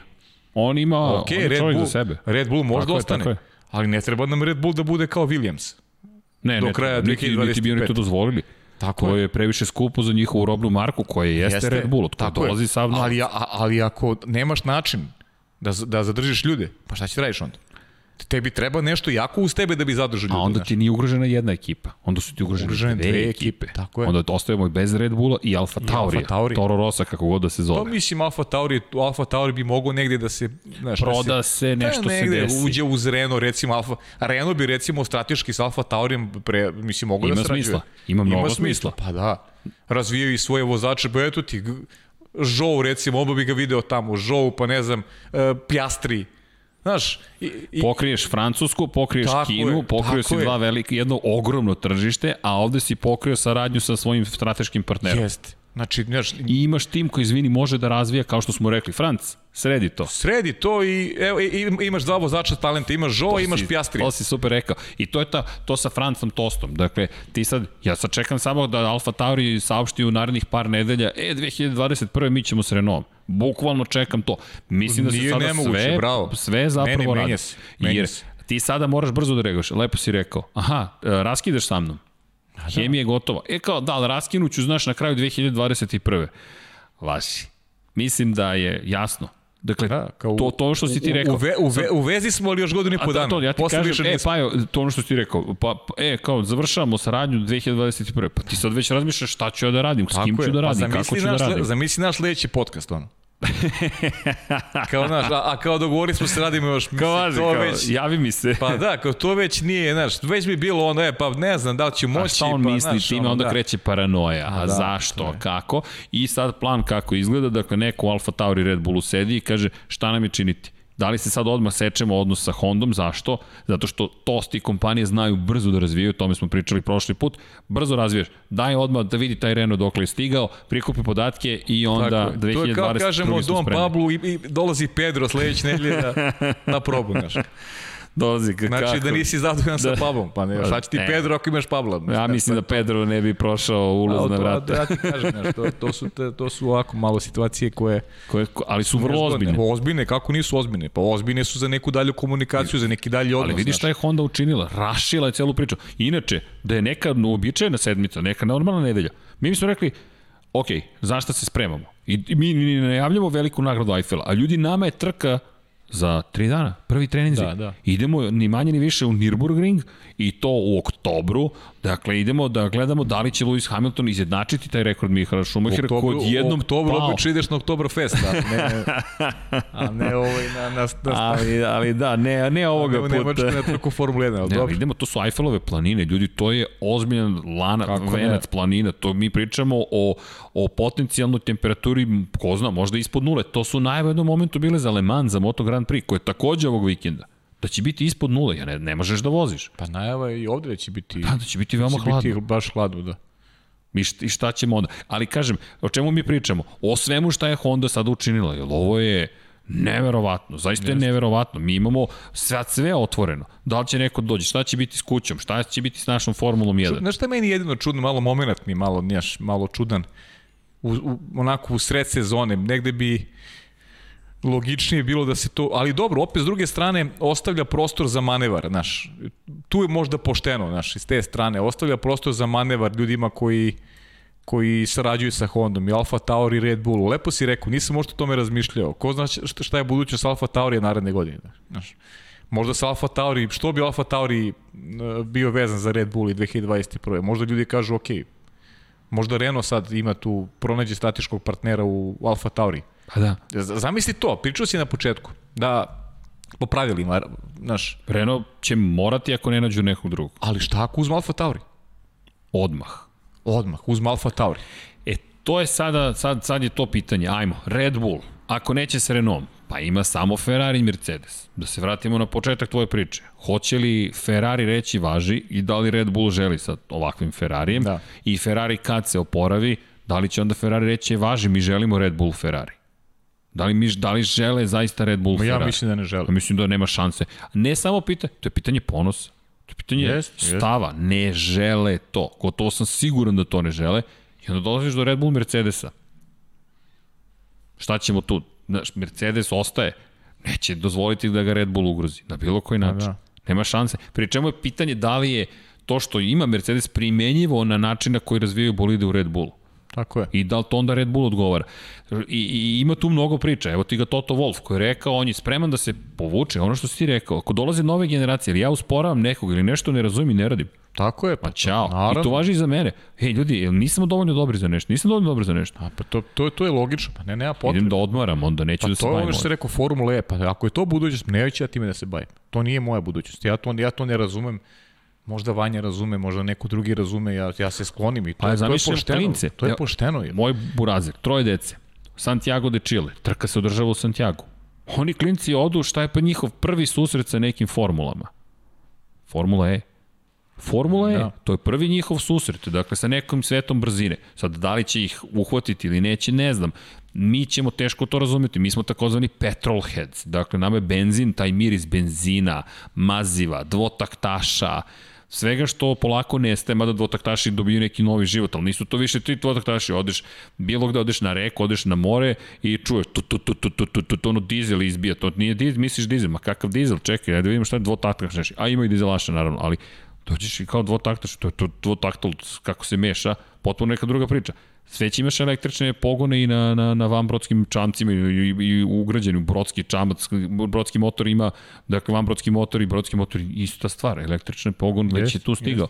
E, e sad, to je nekoj klinki, klincu je norma, to je, pa, to je normalno, zašto bih želela ovo prljavo, bučno, a mi koji imamo osmeh na licu kada je masti do, do, do laktova. Ma nije, znaš kako, svako treba da, znaš, ono, da izabere neki svoj put, znaš, i u stvari to se lako izmeri, znaš.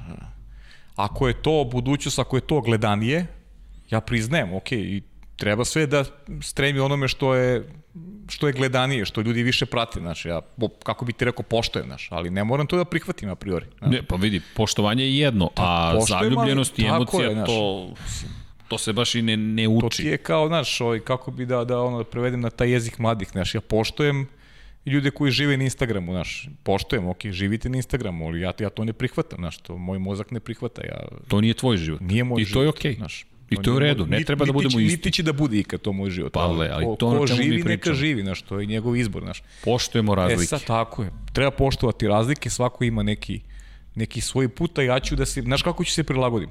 Pa tako što ako je Formula E budućnost, pa ja ću se skloniti, ne, to, zato što ja takvu budućnost ne prihvatam. Znaš. Ali, da spasimo budućnost Formule 1, znaš šta meni još pada na pamet? Nekoliko stvari, o tome razmišljam već par godina. Da ćemo mi doći u situaciju da imamo zapravo neku vrstu, ne mogu da nazovem baš elitnog sporta, da liči na konjičke trke. Da se održava na nivou ergela, bukvalno. Dakle, mi imamo timove koji prikazuju neku u tom trenutku vjerojatno arhaičnu tehnologiju. Dakle, ne verujem da ćemo imati, da ćemo pričati sada više o tehnološkom tom razvoju. Možda, možda spas može da bude hidrogen, u kom smislu?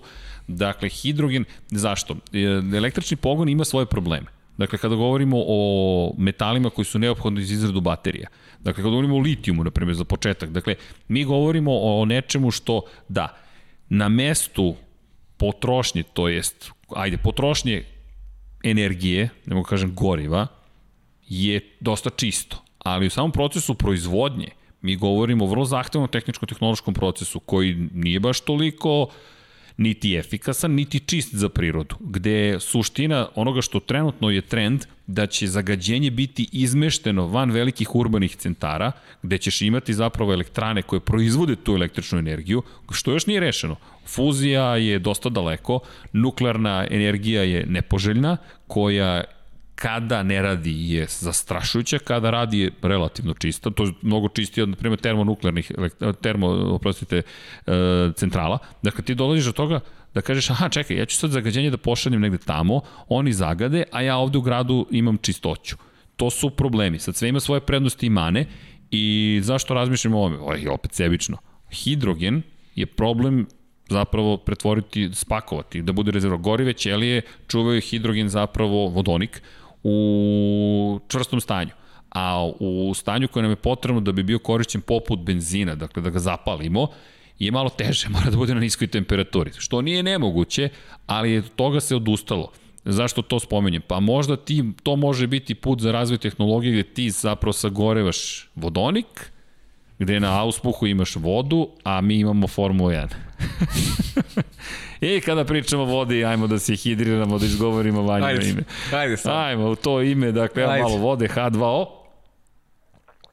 Redi. I tako. Dakle, vidjet ćemo da li će nam voda biti pogon. Da, Kada smo kod vode, da se dotaknemo vremenskih uslova i bacimo na najavu ovaj, vikenda. Ovaj svet je malo, znaš, ono, pričamo o nekoj ekologiji, a opet šta čovjek sve radi da da uništi životnu sredinu, dakle, jedna široka tema, ako je problem Formula 1, benzin, ako je problem, mislim, onda, onda okej. Okay. Onda ćemo da rešimo sve, sve ove probleme u životu. Da. onda smo mirni. Tako je. Ljudi prave nuklearke, rade koje kakve gluposti. Seku šume. Aj, mislim, da ne pričam, ovo je sad, pretvorit ćemo ovo jednu ekološku emisiju. ba, da, da. Na znaš, kraju pitanje da, našeg habitata. Ako nemamo mislim, gde da znaš, živimo, potpuno je sve jedno. Bukvalno, Bukvalno je, sve sve jedno. Bukvalno je tako. dakle, da. nema više čak ako ni tog Ako ćemo da spasimo smisla. svet, ako ovaj, neće biti Formula 1, nego ćemo Formula 1 da radimo, onda ok. U cilj spasenja sveta... ok, radimo Formula E. U cilj spasenja sveta, onda će da bude Formula E. A ako će to da spasi svet. Dogovor. Da. Da. I u to ime da se bacimo na opet vodu u petak padavine 11 stepeni je temperatura koja se očekuje tokom dana, maksimalna dnevna 13 stepeni u sred Nürburgringa.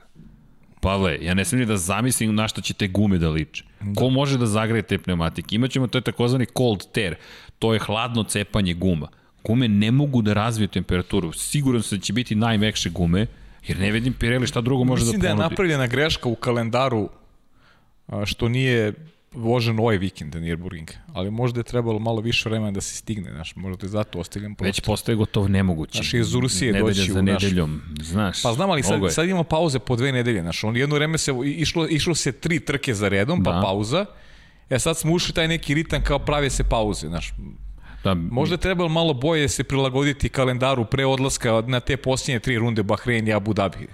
Da, mi smo... Malo više forsirati ove, ove evropske trke dok Znaš, je ovde još dok je i ole vreme, neko leto. Da, neko, neko A imali smo Miholjsko leto ovog vikenda. Imali smo, Makar da. u delovima Evrope. Da, pa u najvećem delu Evrope je da. bilo. Evo, konkretno u Nemačkoj su bile Mada je bilo kiše u pojedinim delovima Nemačke, ali, ali, ali bilo lepše. Jedno, ali, da, ali da, nije bilo hladno, nije bilo to, hladno. To je, tako jedno je kiša, drugo je kiša kada je 10 stepeni.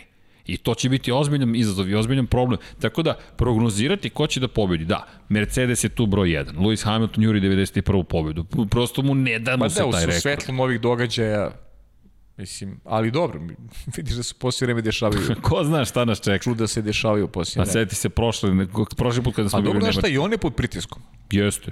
Znaš, nije, nije, I nije to se vidjelo, jedno, vidi to se vidjelo prošli put. To, to, greške se prave, pritom Rekli I ekipa ima, pravi greške. Tako je, i on nervozan, te njegove reakcije nervozne. Ono...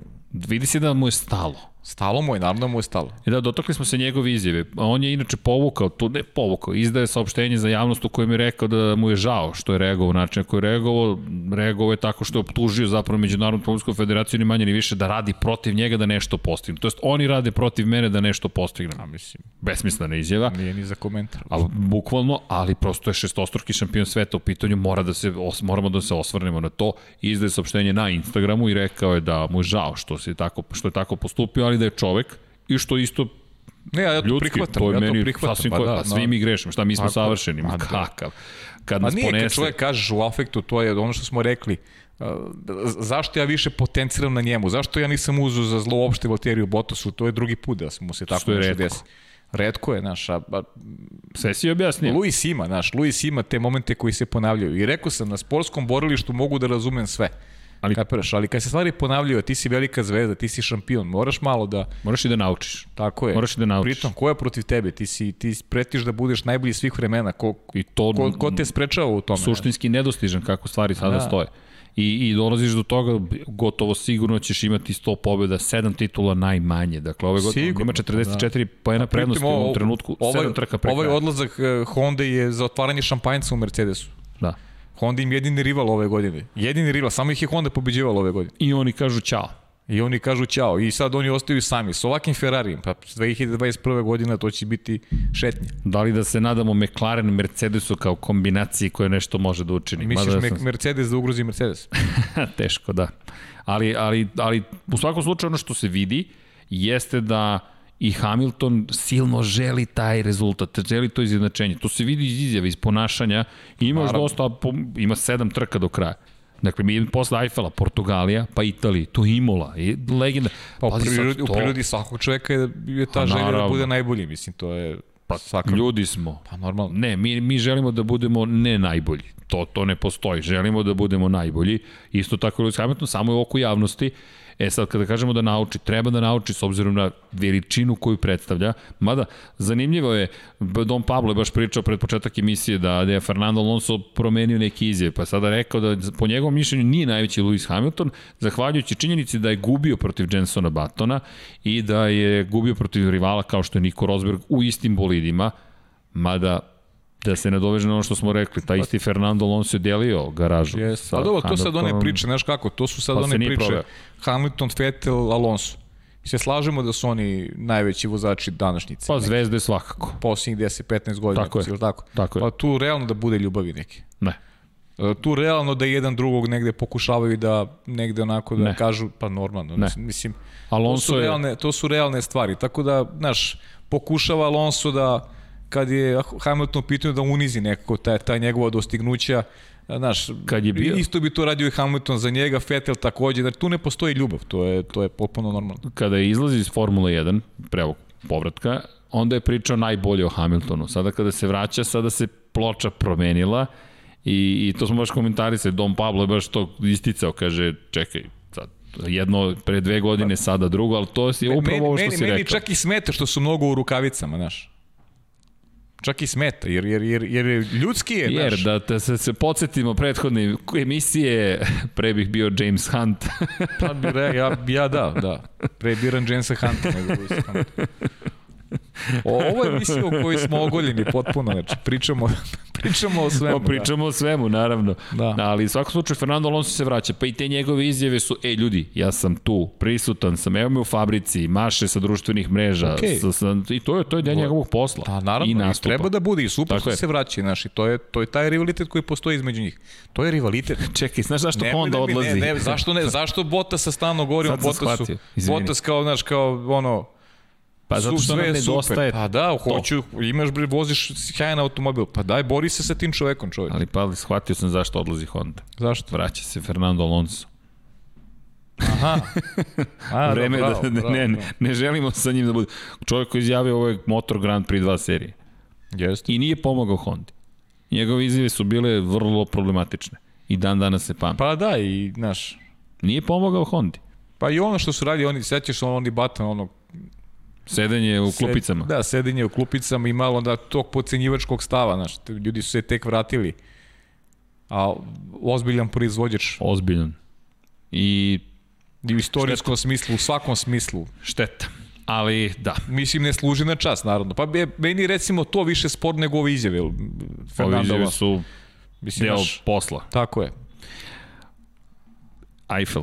Dakle, Eiffel, da. šta da kažemo? Ako kiša bude padala, mada stalno smo je najavljivali, nikad se nije desila, sada delo je zaista da će biti, možda će biti otvorena trka. I možda opet šansa Red Bull da, da, da se ipak odjavi zajedno sa Hondom.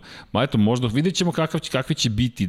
Slažem se s tom, teško imati tu vezu, ali ajde da vidimo da li će reći zajedno, ok, ajmo sad do kraja. Da damo sve od sebe. Da, pa dve, ima dve, dve prizme gledanja, znaš.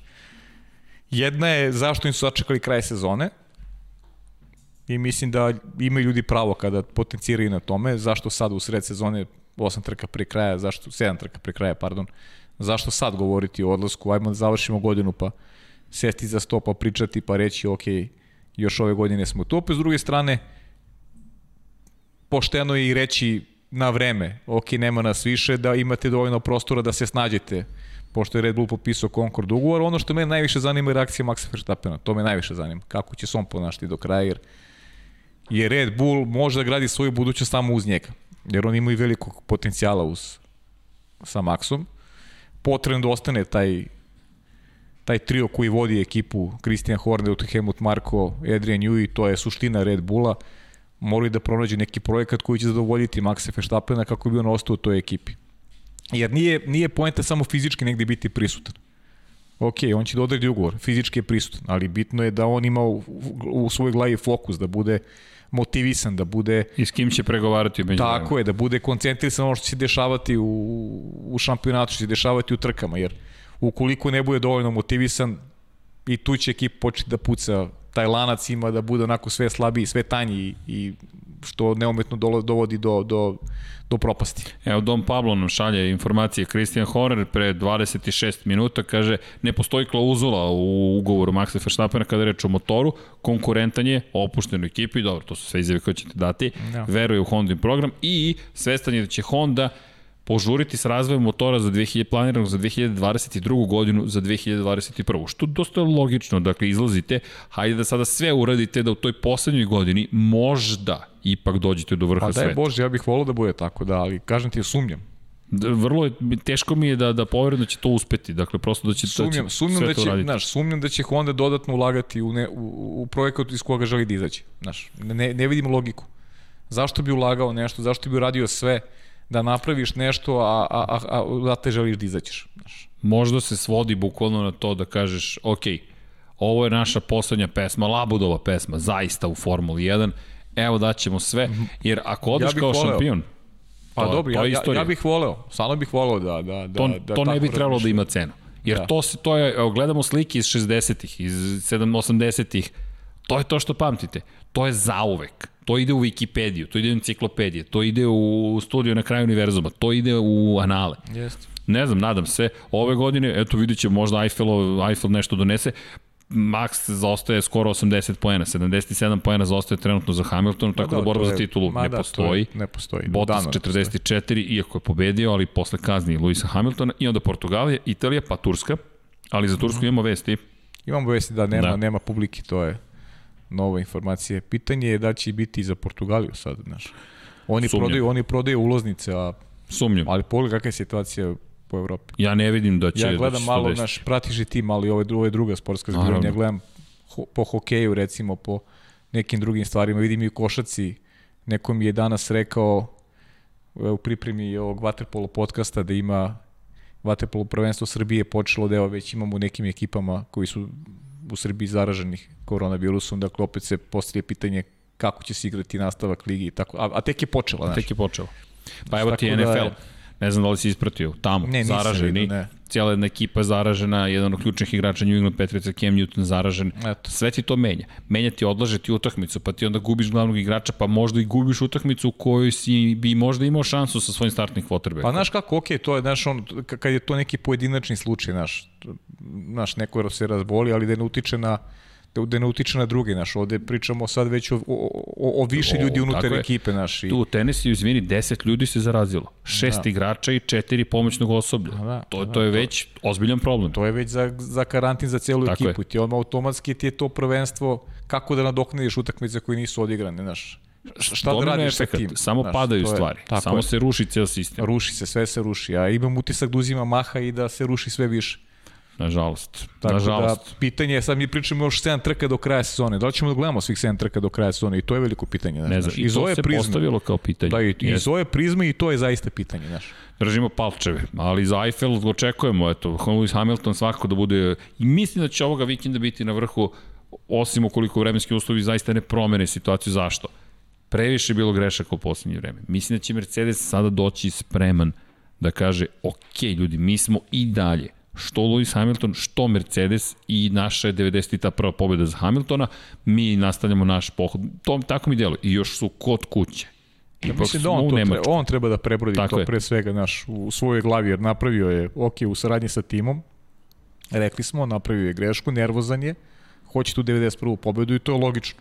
Ko ne bi htio da se izjednači sa pa Mihalom Šumahirom? Ne, pa to je za, za, za to živi, a pritom pritisnut verovatno i on sa svim ovim sa strane što se dešava vezano i za i za COVID i za, znaš, potpuno si tebi neizvestan svaki dan, znaš, ono, Jesi vidio da je, sutra, izvini, počeo da vozi električni Mercedes. Jeste, a? Da. Odustao je u, u privatnom životu odustao motora sa, sa unutrašnjim pa, sagorevanjem. Okay, da. Što opet meni je neki signal. Dakle, ako su i sedmu, potencijalno osmu, da li će reći, hm, čekaj, stiglo je novo vreme. Da bude to nije nemoguće. Da. Prvi koji će da objedini titule Formule 1 i Formule E. Pazi, samo jedan je prvi. Pa znam, meni je veći motiv ono što je Vanja pričao, to što sam, što sam ja rekao prošle godine, samo što ne vidim više tu mogućnost, znaš, da, da, da dođeš u Ferrari pa da, da napraviš, znaš, to je podvig, znaš, Formula je to Pablo gleda, ja, znaš, ono. da, da on Pablo prati. I znam još par ljudi koji gledaju, ali, ali vidi, znaš, ali ne to je sada ne znam mnogo ljudi koji to prate. Ali to je sada tako. Ko zna kako će to izgledati u nekoj Slažem budućnosti. se, sve se slažem. Znači, pa, pa to ono ne... I trend je. Pa da, pa okej. Okay. I trend je što je veoma značajno. E, kada pričamo o Formuli E... Trend, znaš šta mislim? O, znam, znam. O, o trendu kao znam, pojmu. Znam, znam.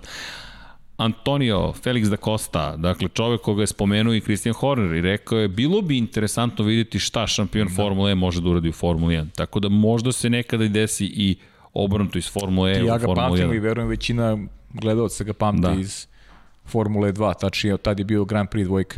Jeste. Sjajno je vozio. Jeste, i bio deo Red Bullovog programa. I čak smo njega videli kao ozbiljnije kandidata za ulazak, recimo Sebastina Boemija i mnogi koji su prošli. Njega Jeste. smo videli pre, realno. Jesmo. Ako se sećaš, pričali smo o tome. bio. Baš bi jako talentovan. Čuj, talentovan, ostvaren vozač. Da, možda malo onako karaktera, malo onako prekog i možda je to nešto što mu nije baš pomoglo mnogo u životu u tom trenutku, ali strašan vozač. Tako Jeste. da, vrlo moguće da ćemo ga videti u Formuli 1. Ne bih se čudio. I volao bih čak, odmah pa, ti kažem. Moram ti priznati da, da bih ja volao da vidim tu vrstu prelaza. Dakle, da dođemo u situaciju da neko iz Formule 1, zah, e, zahvaljujući tom uspehu, da. dođe u Formulu 1, pa da vidimo šta može da učini. Dakle, teško da će se desiti, ali Što da ne? Mi makar možemo da razmišljamo. Kada pričamo inače još o vozačima, ispomenu smo prezime Schumacher, Mick Schumacher. Gledamo ga ove nedelje. Gledamo ga ove nedelje, trening broj 1 i gledamo ga i naredne godine. Ne, ne da, zaboravim. Da, da, da, naredne godine, dakle, tome smo pričali, to je sad potvrđeno. Dakle, pravit će društvo Kimi Raikkonen u Alfa Romeo.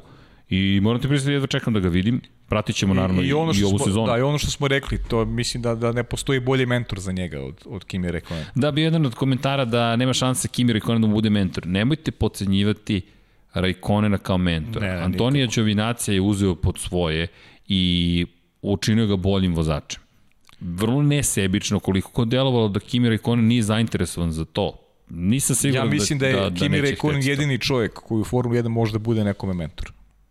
Jer je on meni, on, on, možda, on možda deluje tako, nije zainteresovan, mislim da ima tu narav, e, čovjek je ostvario rezultat svog, svog života 2008. godine i negde se njegov stav promenio mnogo nakon toga. On je ušao u istorijske knjige, napravio je sve što je trebao da napravi i mislim da je vrlo nesibičan u tome, pogotovo, pogotovo prema a, sinu čoveka koji ga je preporučio za ulazak u Formulu 1.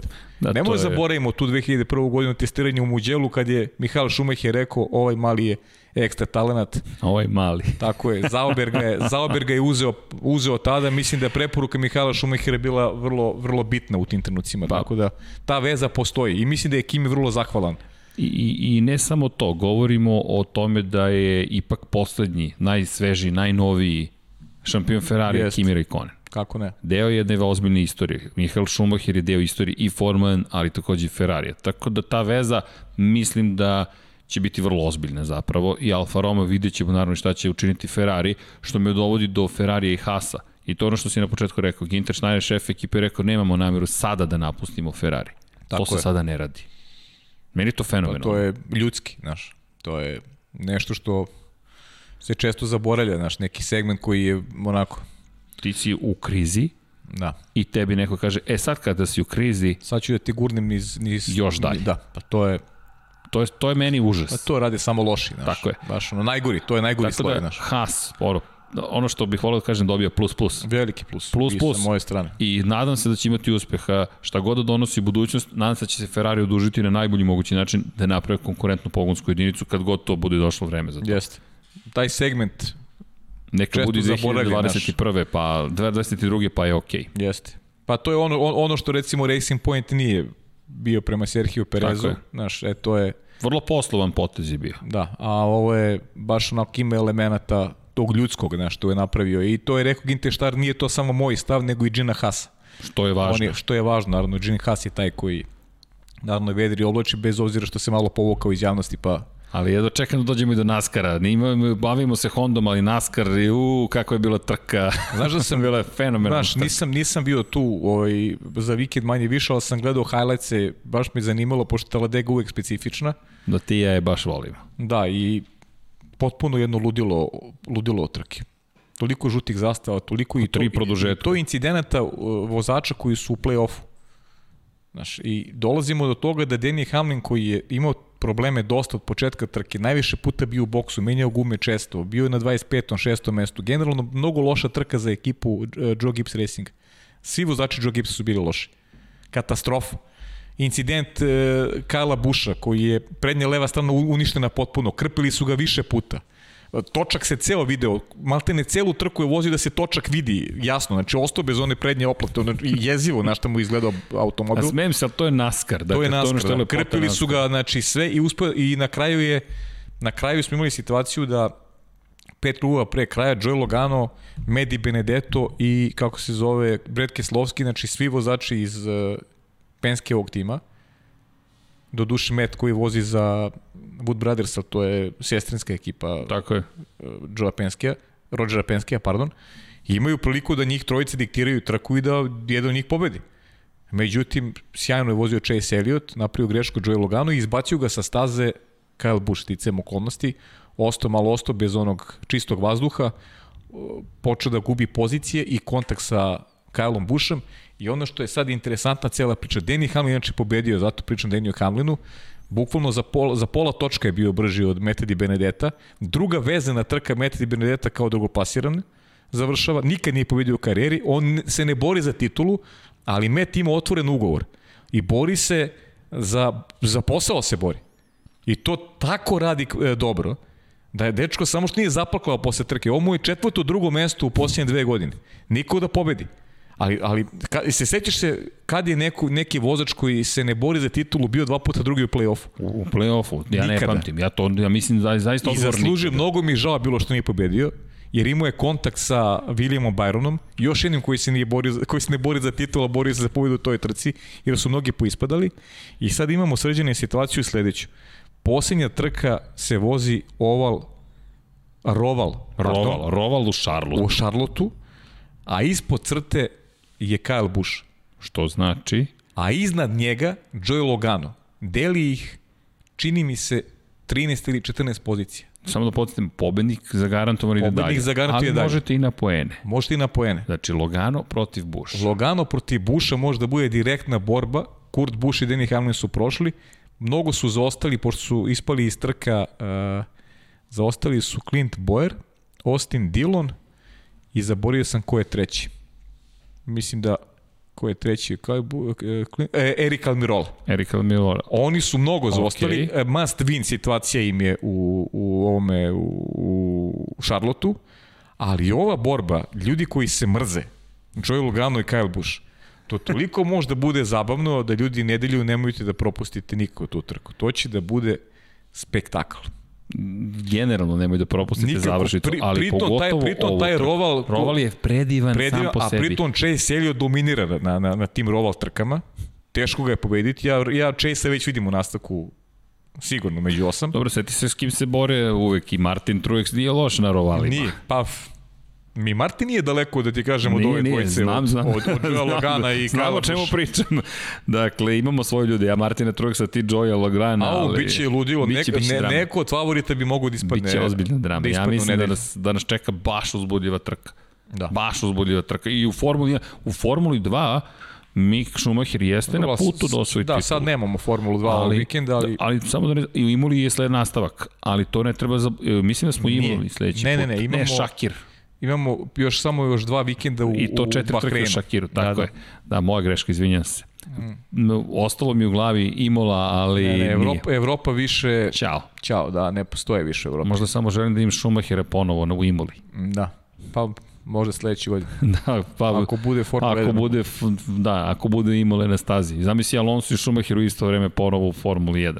Mislim, to će se desiti svakako, ali biće interesantno i to vidjeti. Biće, da, sigurno. Ej, trkao sam se s tvojim čaletom. da. ok, si ga pobedio. Zapravo, jes. Jedan od redkih koji ga je pobedio. Da, kakva istorija. Istorija baš jest, pred nama. A, a, apropo istorije, dakle, da se ne, ne zaboravi Žil Bianchi. E, da, da, to, to nas je, da, ovaj, juče, Pablo nas je podsjetio. Da, juče smo imali petogodišnjicu, nažalost, od, da. od šestogodišnjicu, izvinjam se, dakle, od Pa da, u stvari od, od, od, od tog od incidenta, incidenta. u stvari. Preminuje Žil Bianchi sledeće godine, ali da, velika nagrada Japana, po kiši grozan incident. Pa ovo je vreme za Japan taj, da. To da, tada to su poslednje trke na severnoj polu lopti ili u delovima kojima možemo da čekamo neke vremenske uslove koje imamo u, na ovim prostorima. Da. Inače, posećujemo mesta gde ne očekujemo baš da bude toliko hladno i da bude takve padavine. Ali da, Žil Bianchi, zaovek Žil Bianchi forever Žil.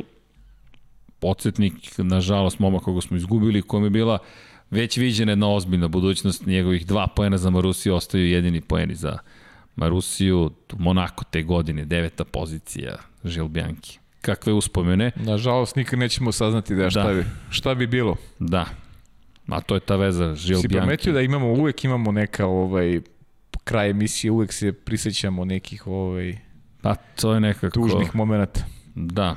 Možemo da se pristimo nekih dobrih momenta. Kada se možda desi bi incident... Bilo bolje, možda bi bilo bolje da završimo se, emisiju da sa nekim... A to hoću ti kažem. Desi se incident, a ono bude ipak dobar ishod. Vanja, hoćemo da pogledamo dva videa koja mislim da su Bravo, vrlo smo... interesantna. A, jesu. A, Oba. Ovo Vanja, Vanja nas je izvozao trenutno. Ovako ne puštate gas. Dakle... Malo ručna pa gas. to je majstorija Dušana Borkovića i njegovog, i njegovog suvoza Igora Markovića. Možemo i onaj drugi video. 53. Srbs, Reli Srbije. Reli Srbije. Koji se bodu inače i za šampionat i Bugarske. Pa je ovde. Ovde znak i pobede Dušana. Od... I be, o, evo, dva incidenta, ali su pobedili Borković i Marković i čestitka još jednu. Da. Ovo inače, inače Duncovo svesno radio, priča mi Igor da izbegne kvar interkulera i još ono sačuvaju ove ove krucijalne stvari je sačuvao, imali su posle opravku, ali su pobedili. Ovo je, ovo je vajde bio četvrti brzinac, a ono je bio prvi brzinac gde su napravili grešku. Srpski reli, opet dominacija. Dobro. Borković, Marković. Lep, sva, sva, sve vrste automotosporta Pratimo, a Igor nam je bio ovde gost. Igor nam je bio, čisto, pa, da. vidi, nameće se nekako. Šta ti misliš? Je vreme za, za novu posetu? Pa dobro, da, svakako. Igor, u Igor je uvek... Ovaj... Ja mislim da će to biti zabavno. U, jedva čekam da čujemo i njega kada je reč o Hondi. Da, i o Hondi, o... pa i malo da nam priča i o ovim, ovim stvarima, znači. Evo, pa žali mi se da je, da, žali mi se da je baš došao izmoren. pa, pa vidio si kako su završili. baš sam iznenađen da je izmoren. Kako su, kako su završili. malo sam bio na, na opačke, malo sam bio u vazduhu. Ali lepo je, ali mogli da se čuje lepo. Pravi se, ali gas se ne pušta. Ne pušta. Ne, ne, ne pušta Borković se gas. ne, ne pušta gas. A hteo sam, zapravo, možda je bolje da iskoristim ove kadrove da. za kraj, ali moram da podsjetim na, na, iako to ne bih puštao, ali Nemoj zavoriti Luka Korberi, ono što je uradio na, na karting šampionatu sveta. Vanja, hoćeš ti pošaljem link, dakle, ne znam da se to paju video za vikend. Nisam vidio, morate, morate priznati, je... pa, rekao si, znaš da nisam bio tu, pa da, nisam da, pa ovaj... šalj, šaljem ti, Vanja, šta su vam čuda moderne tehnologije, dakle, Vanja tamo sedi, a mi mu šaljemo odavde linkove, dakle, ovo ti sa Twittera, Vanja, Dakle, link, čovek je pa izbačen iz trke, otišao, podigao svoj branik, oplatu branika i stao pored staze dok trka traje i gađao čoveka oplatom. A onda ga je sačekao u park Fermeu i krenuo da ga tuče. A onda se njegov tata stvorio vlasnik karting staze i zaletao se ovog dečka i udario ga u glavu. Imao je kacigu srećom. Znači, kolektivno su ga tukli. Katastrofa. Kat, sramota. Jenson, oš, samo čujemo Vanja trenutno. Trenutno ne vidimo ništa, ali čujemo. Evo. Dakle, pogledao, ovo je po, pošto je bacio oplatu, ignoriše redare i komentar je adekvatan, dakle, potpuno neprihvatljivo.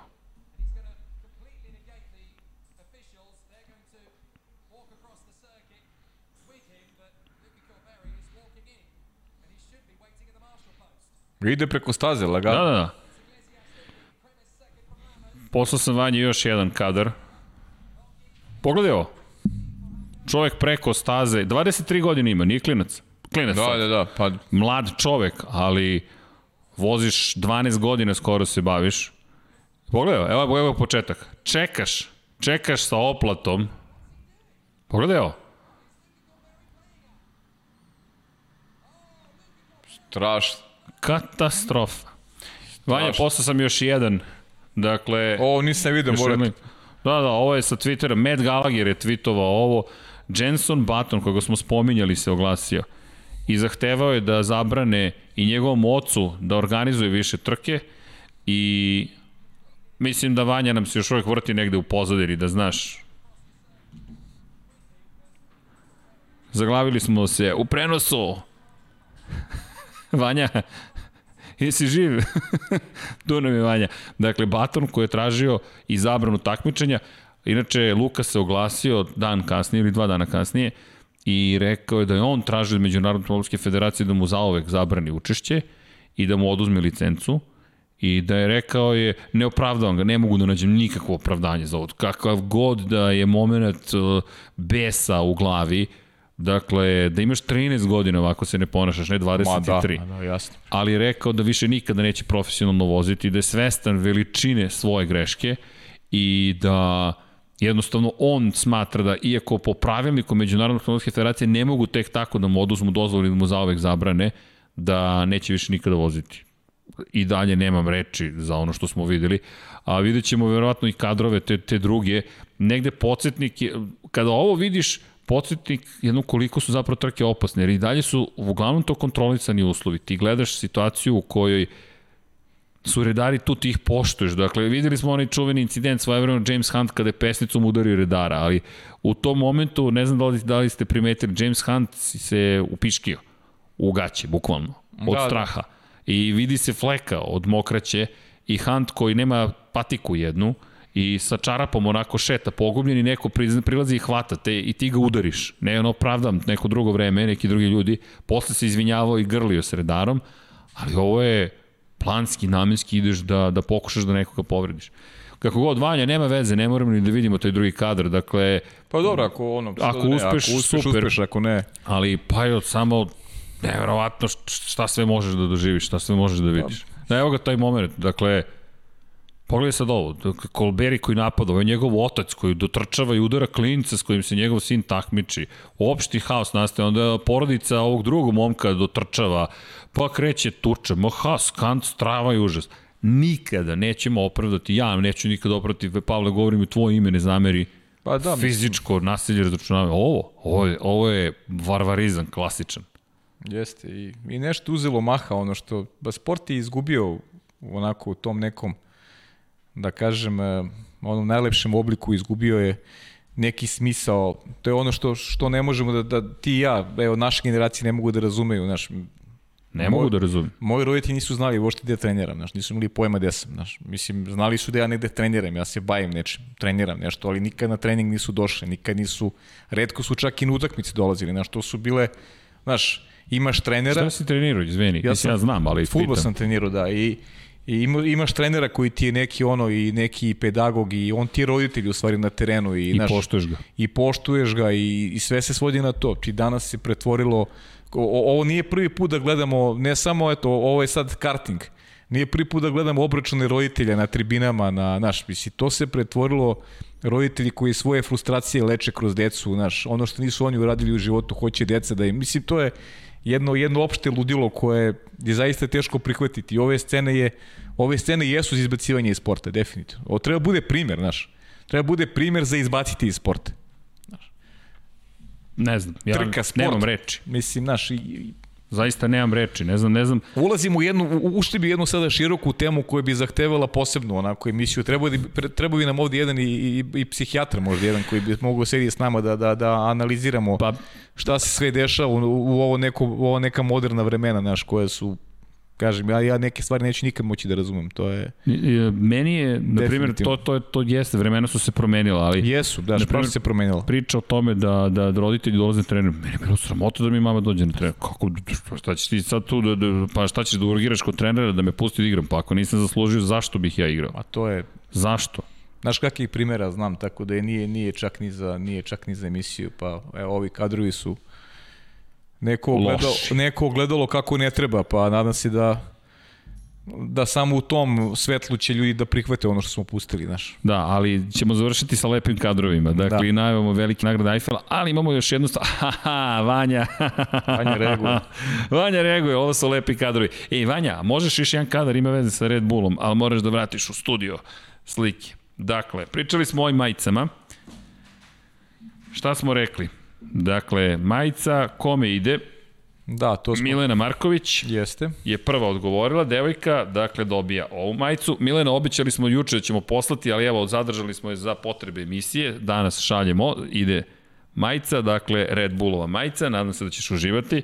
Lepo je, dakle, čutite i stiže majica, nema ništa da brineš, a ovo ide, ako sam ja dobro zapamtio, a ako nisam uvek imate, što kaže moj tata, Pametan piše, dakle, Aleksa Petrovski je prvi u potpunosti odgovorio i evo je majica.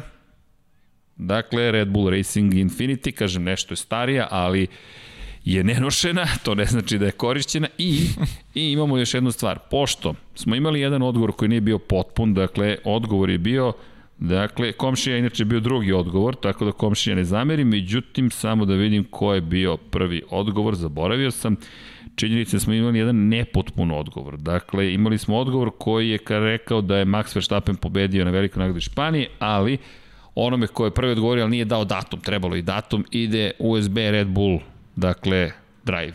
Pa nadam se da ćete uživati. Čekaj, na što još nismo podelili? Mercedesovu majicu i kačket Luisa Hamiltona. Pa kad ćemo to?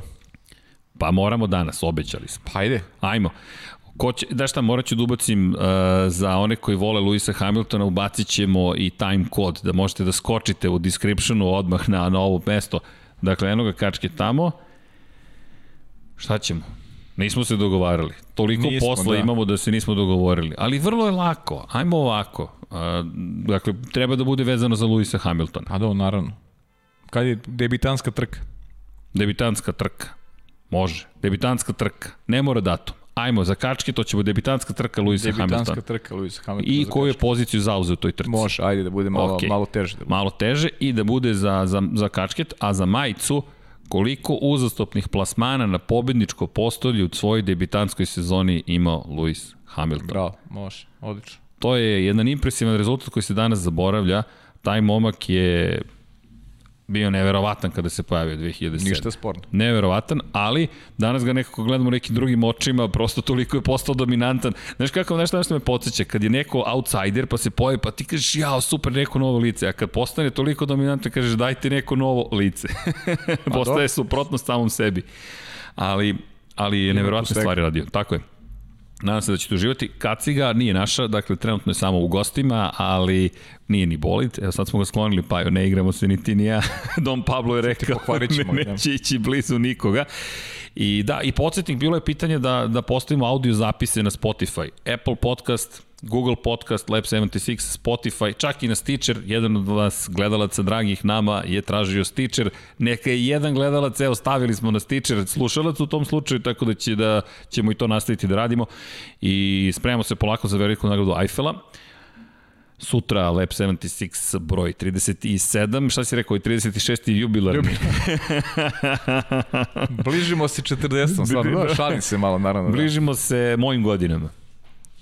Tvoje smo prošli. Moje, odavno smo prošli. da, i majice će biti na infinitylighthouse.com. Nemam više ništa da vam dodam, jedva čekam trku Formula 1. Posjećam žir račun gde možete uplaćujete. Nemojte da vas iznenadi ukoliko je lični račun. Bi, I dalje će vam stići, dakle, nemojte ništa brinuti i bit će nekih drugih boja. Dakle, e, moram ti reći da je bilo oko boja pitanja. Neki su rekli... A jeste, a traže druge boje, a? Pa ne, neki su odbili crno-bele boje. Odbili su, a? Odbili su. Pa do stvar, stvari izbora. stvari izbora, samo da znaš. Pa ja, to je, ne, pa ne, ja se šalim, ja znam koje su tvoje boje. ja da, sam ovim da. neutralnim za da. sada. Ali, Moji jesu crno-bele, zaista to, mislim, ono. Nije nepoznato. Pa nije nepoznato, da, ne, nema šta tu da se kriješ, da bitno je da je čovjek realan samo. Ma, čovjek nek uživao i neki čovjek neki mora bude, čovjek mora bude opredeljen, znaš. Nemaš stav, nisi opredeljen. Zašto živiš? ja sam najgori onda. zašto živiš? Ali zašto? Pa zbog Formule 1 i Moto Grand Prix. Okay, okay. Tako da znamo zašto živimo, vidjet ćemo šta nam donosi budućnost. Honda nam odlazi, trke nam se nastavljaju, mi dalje verujemo da će Formula 1 imati svoju priču i stojimo pri tome. Ja sam ubeđen da hoćemo, malo smo raširili temu, pričali o svemu i svačemu, ali prosto to i podcasti, navikli ste već na nas. Pa da, a i takva je nedelja. Takva je nedelja, da, malo je čudna malo, da. Da, nadamo se da ste uživali, biće, Vanju ćemo isto vratiti, on popular request. Ima ja neke, neke još ideje za gostovanje, rekao sam ti, samo treba da ih realizujem, neću još da, da pričam ovaj, o kome se radi, ali neki ljudi koji su Mog... iz nekog drugog sveta, a mnogo prate, samo moram da ih kontaktiram prvo da bih, da bih mogu da najavim. Mogu ja nešto da kažem? Kaži. Kada pogledaš pod kapicom i ko ti sve gostuje, Pajo, ne smijem ni da zamislim šta sve spremaš za Lab 76. A preporučujem svima koji vole Waterpolo, gledajte pod kapicom i slušajte. Da. Zaista je fenomenalan podcast, a mi vas pozdravimo ime cele ekipe Infinity Lighthouse i Sport kluba i naravno družimo se, nadamo se sledeće nedelje, umeđu vremenu trke i Moto Grand Prix, i Formula 1, i NASCAR, u, bit će ovo zabavan vikend. Ljudi, čao svima. Ćao.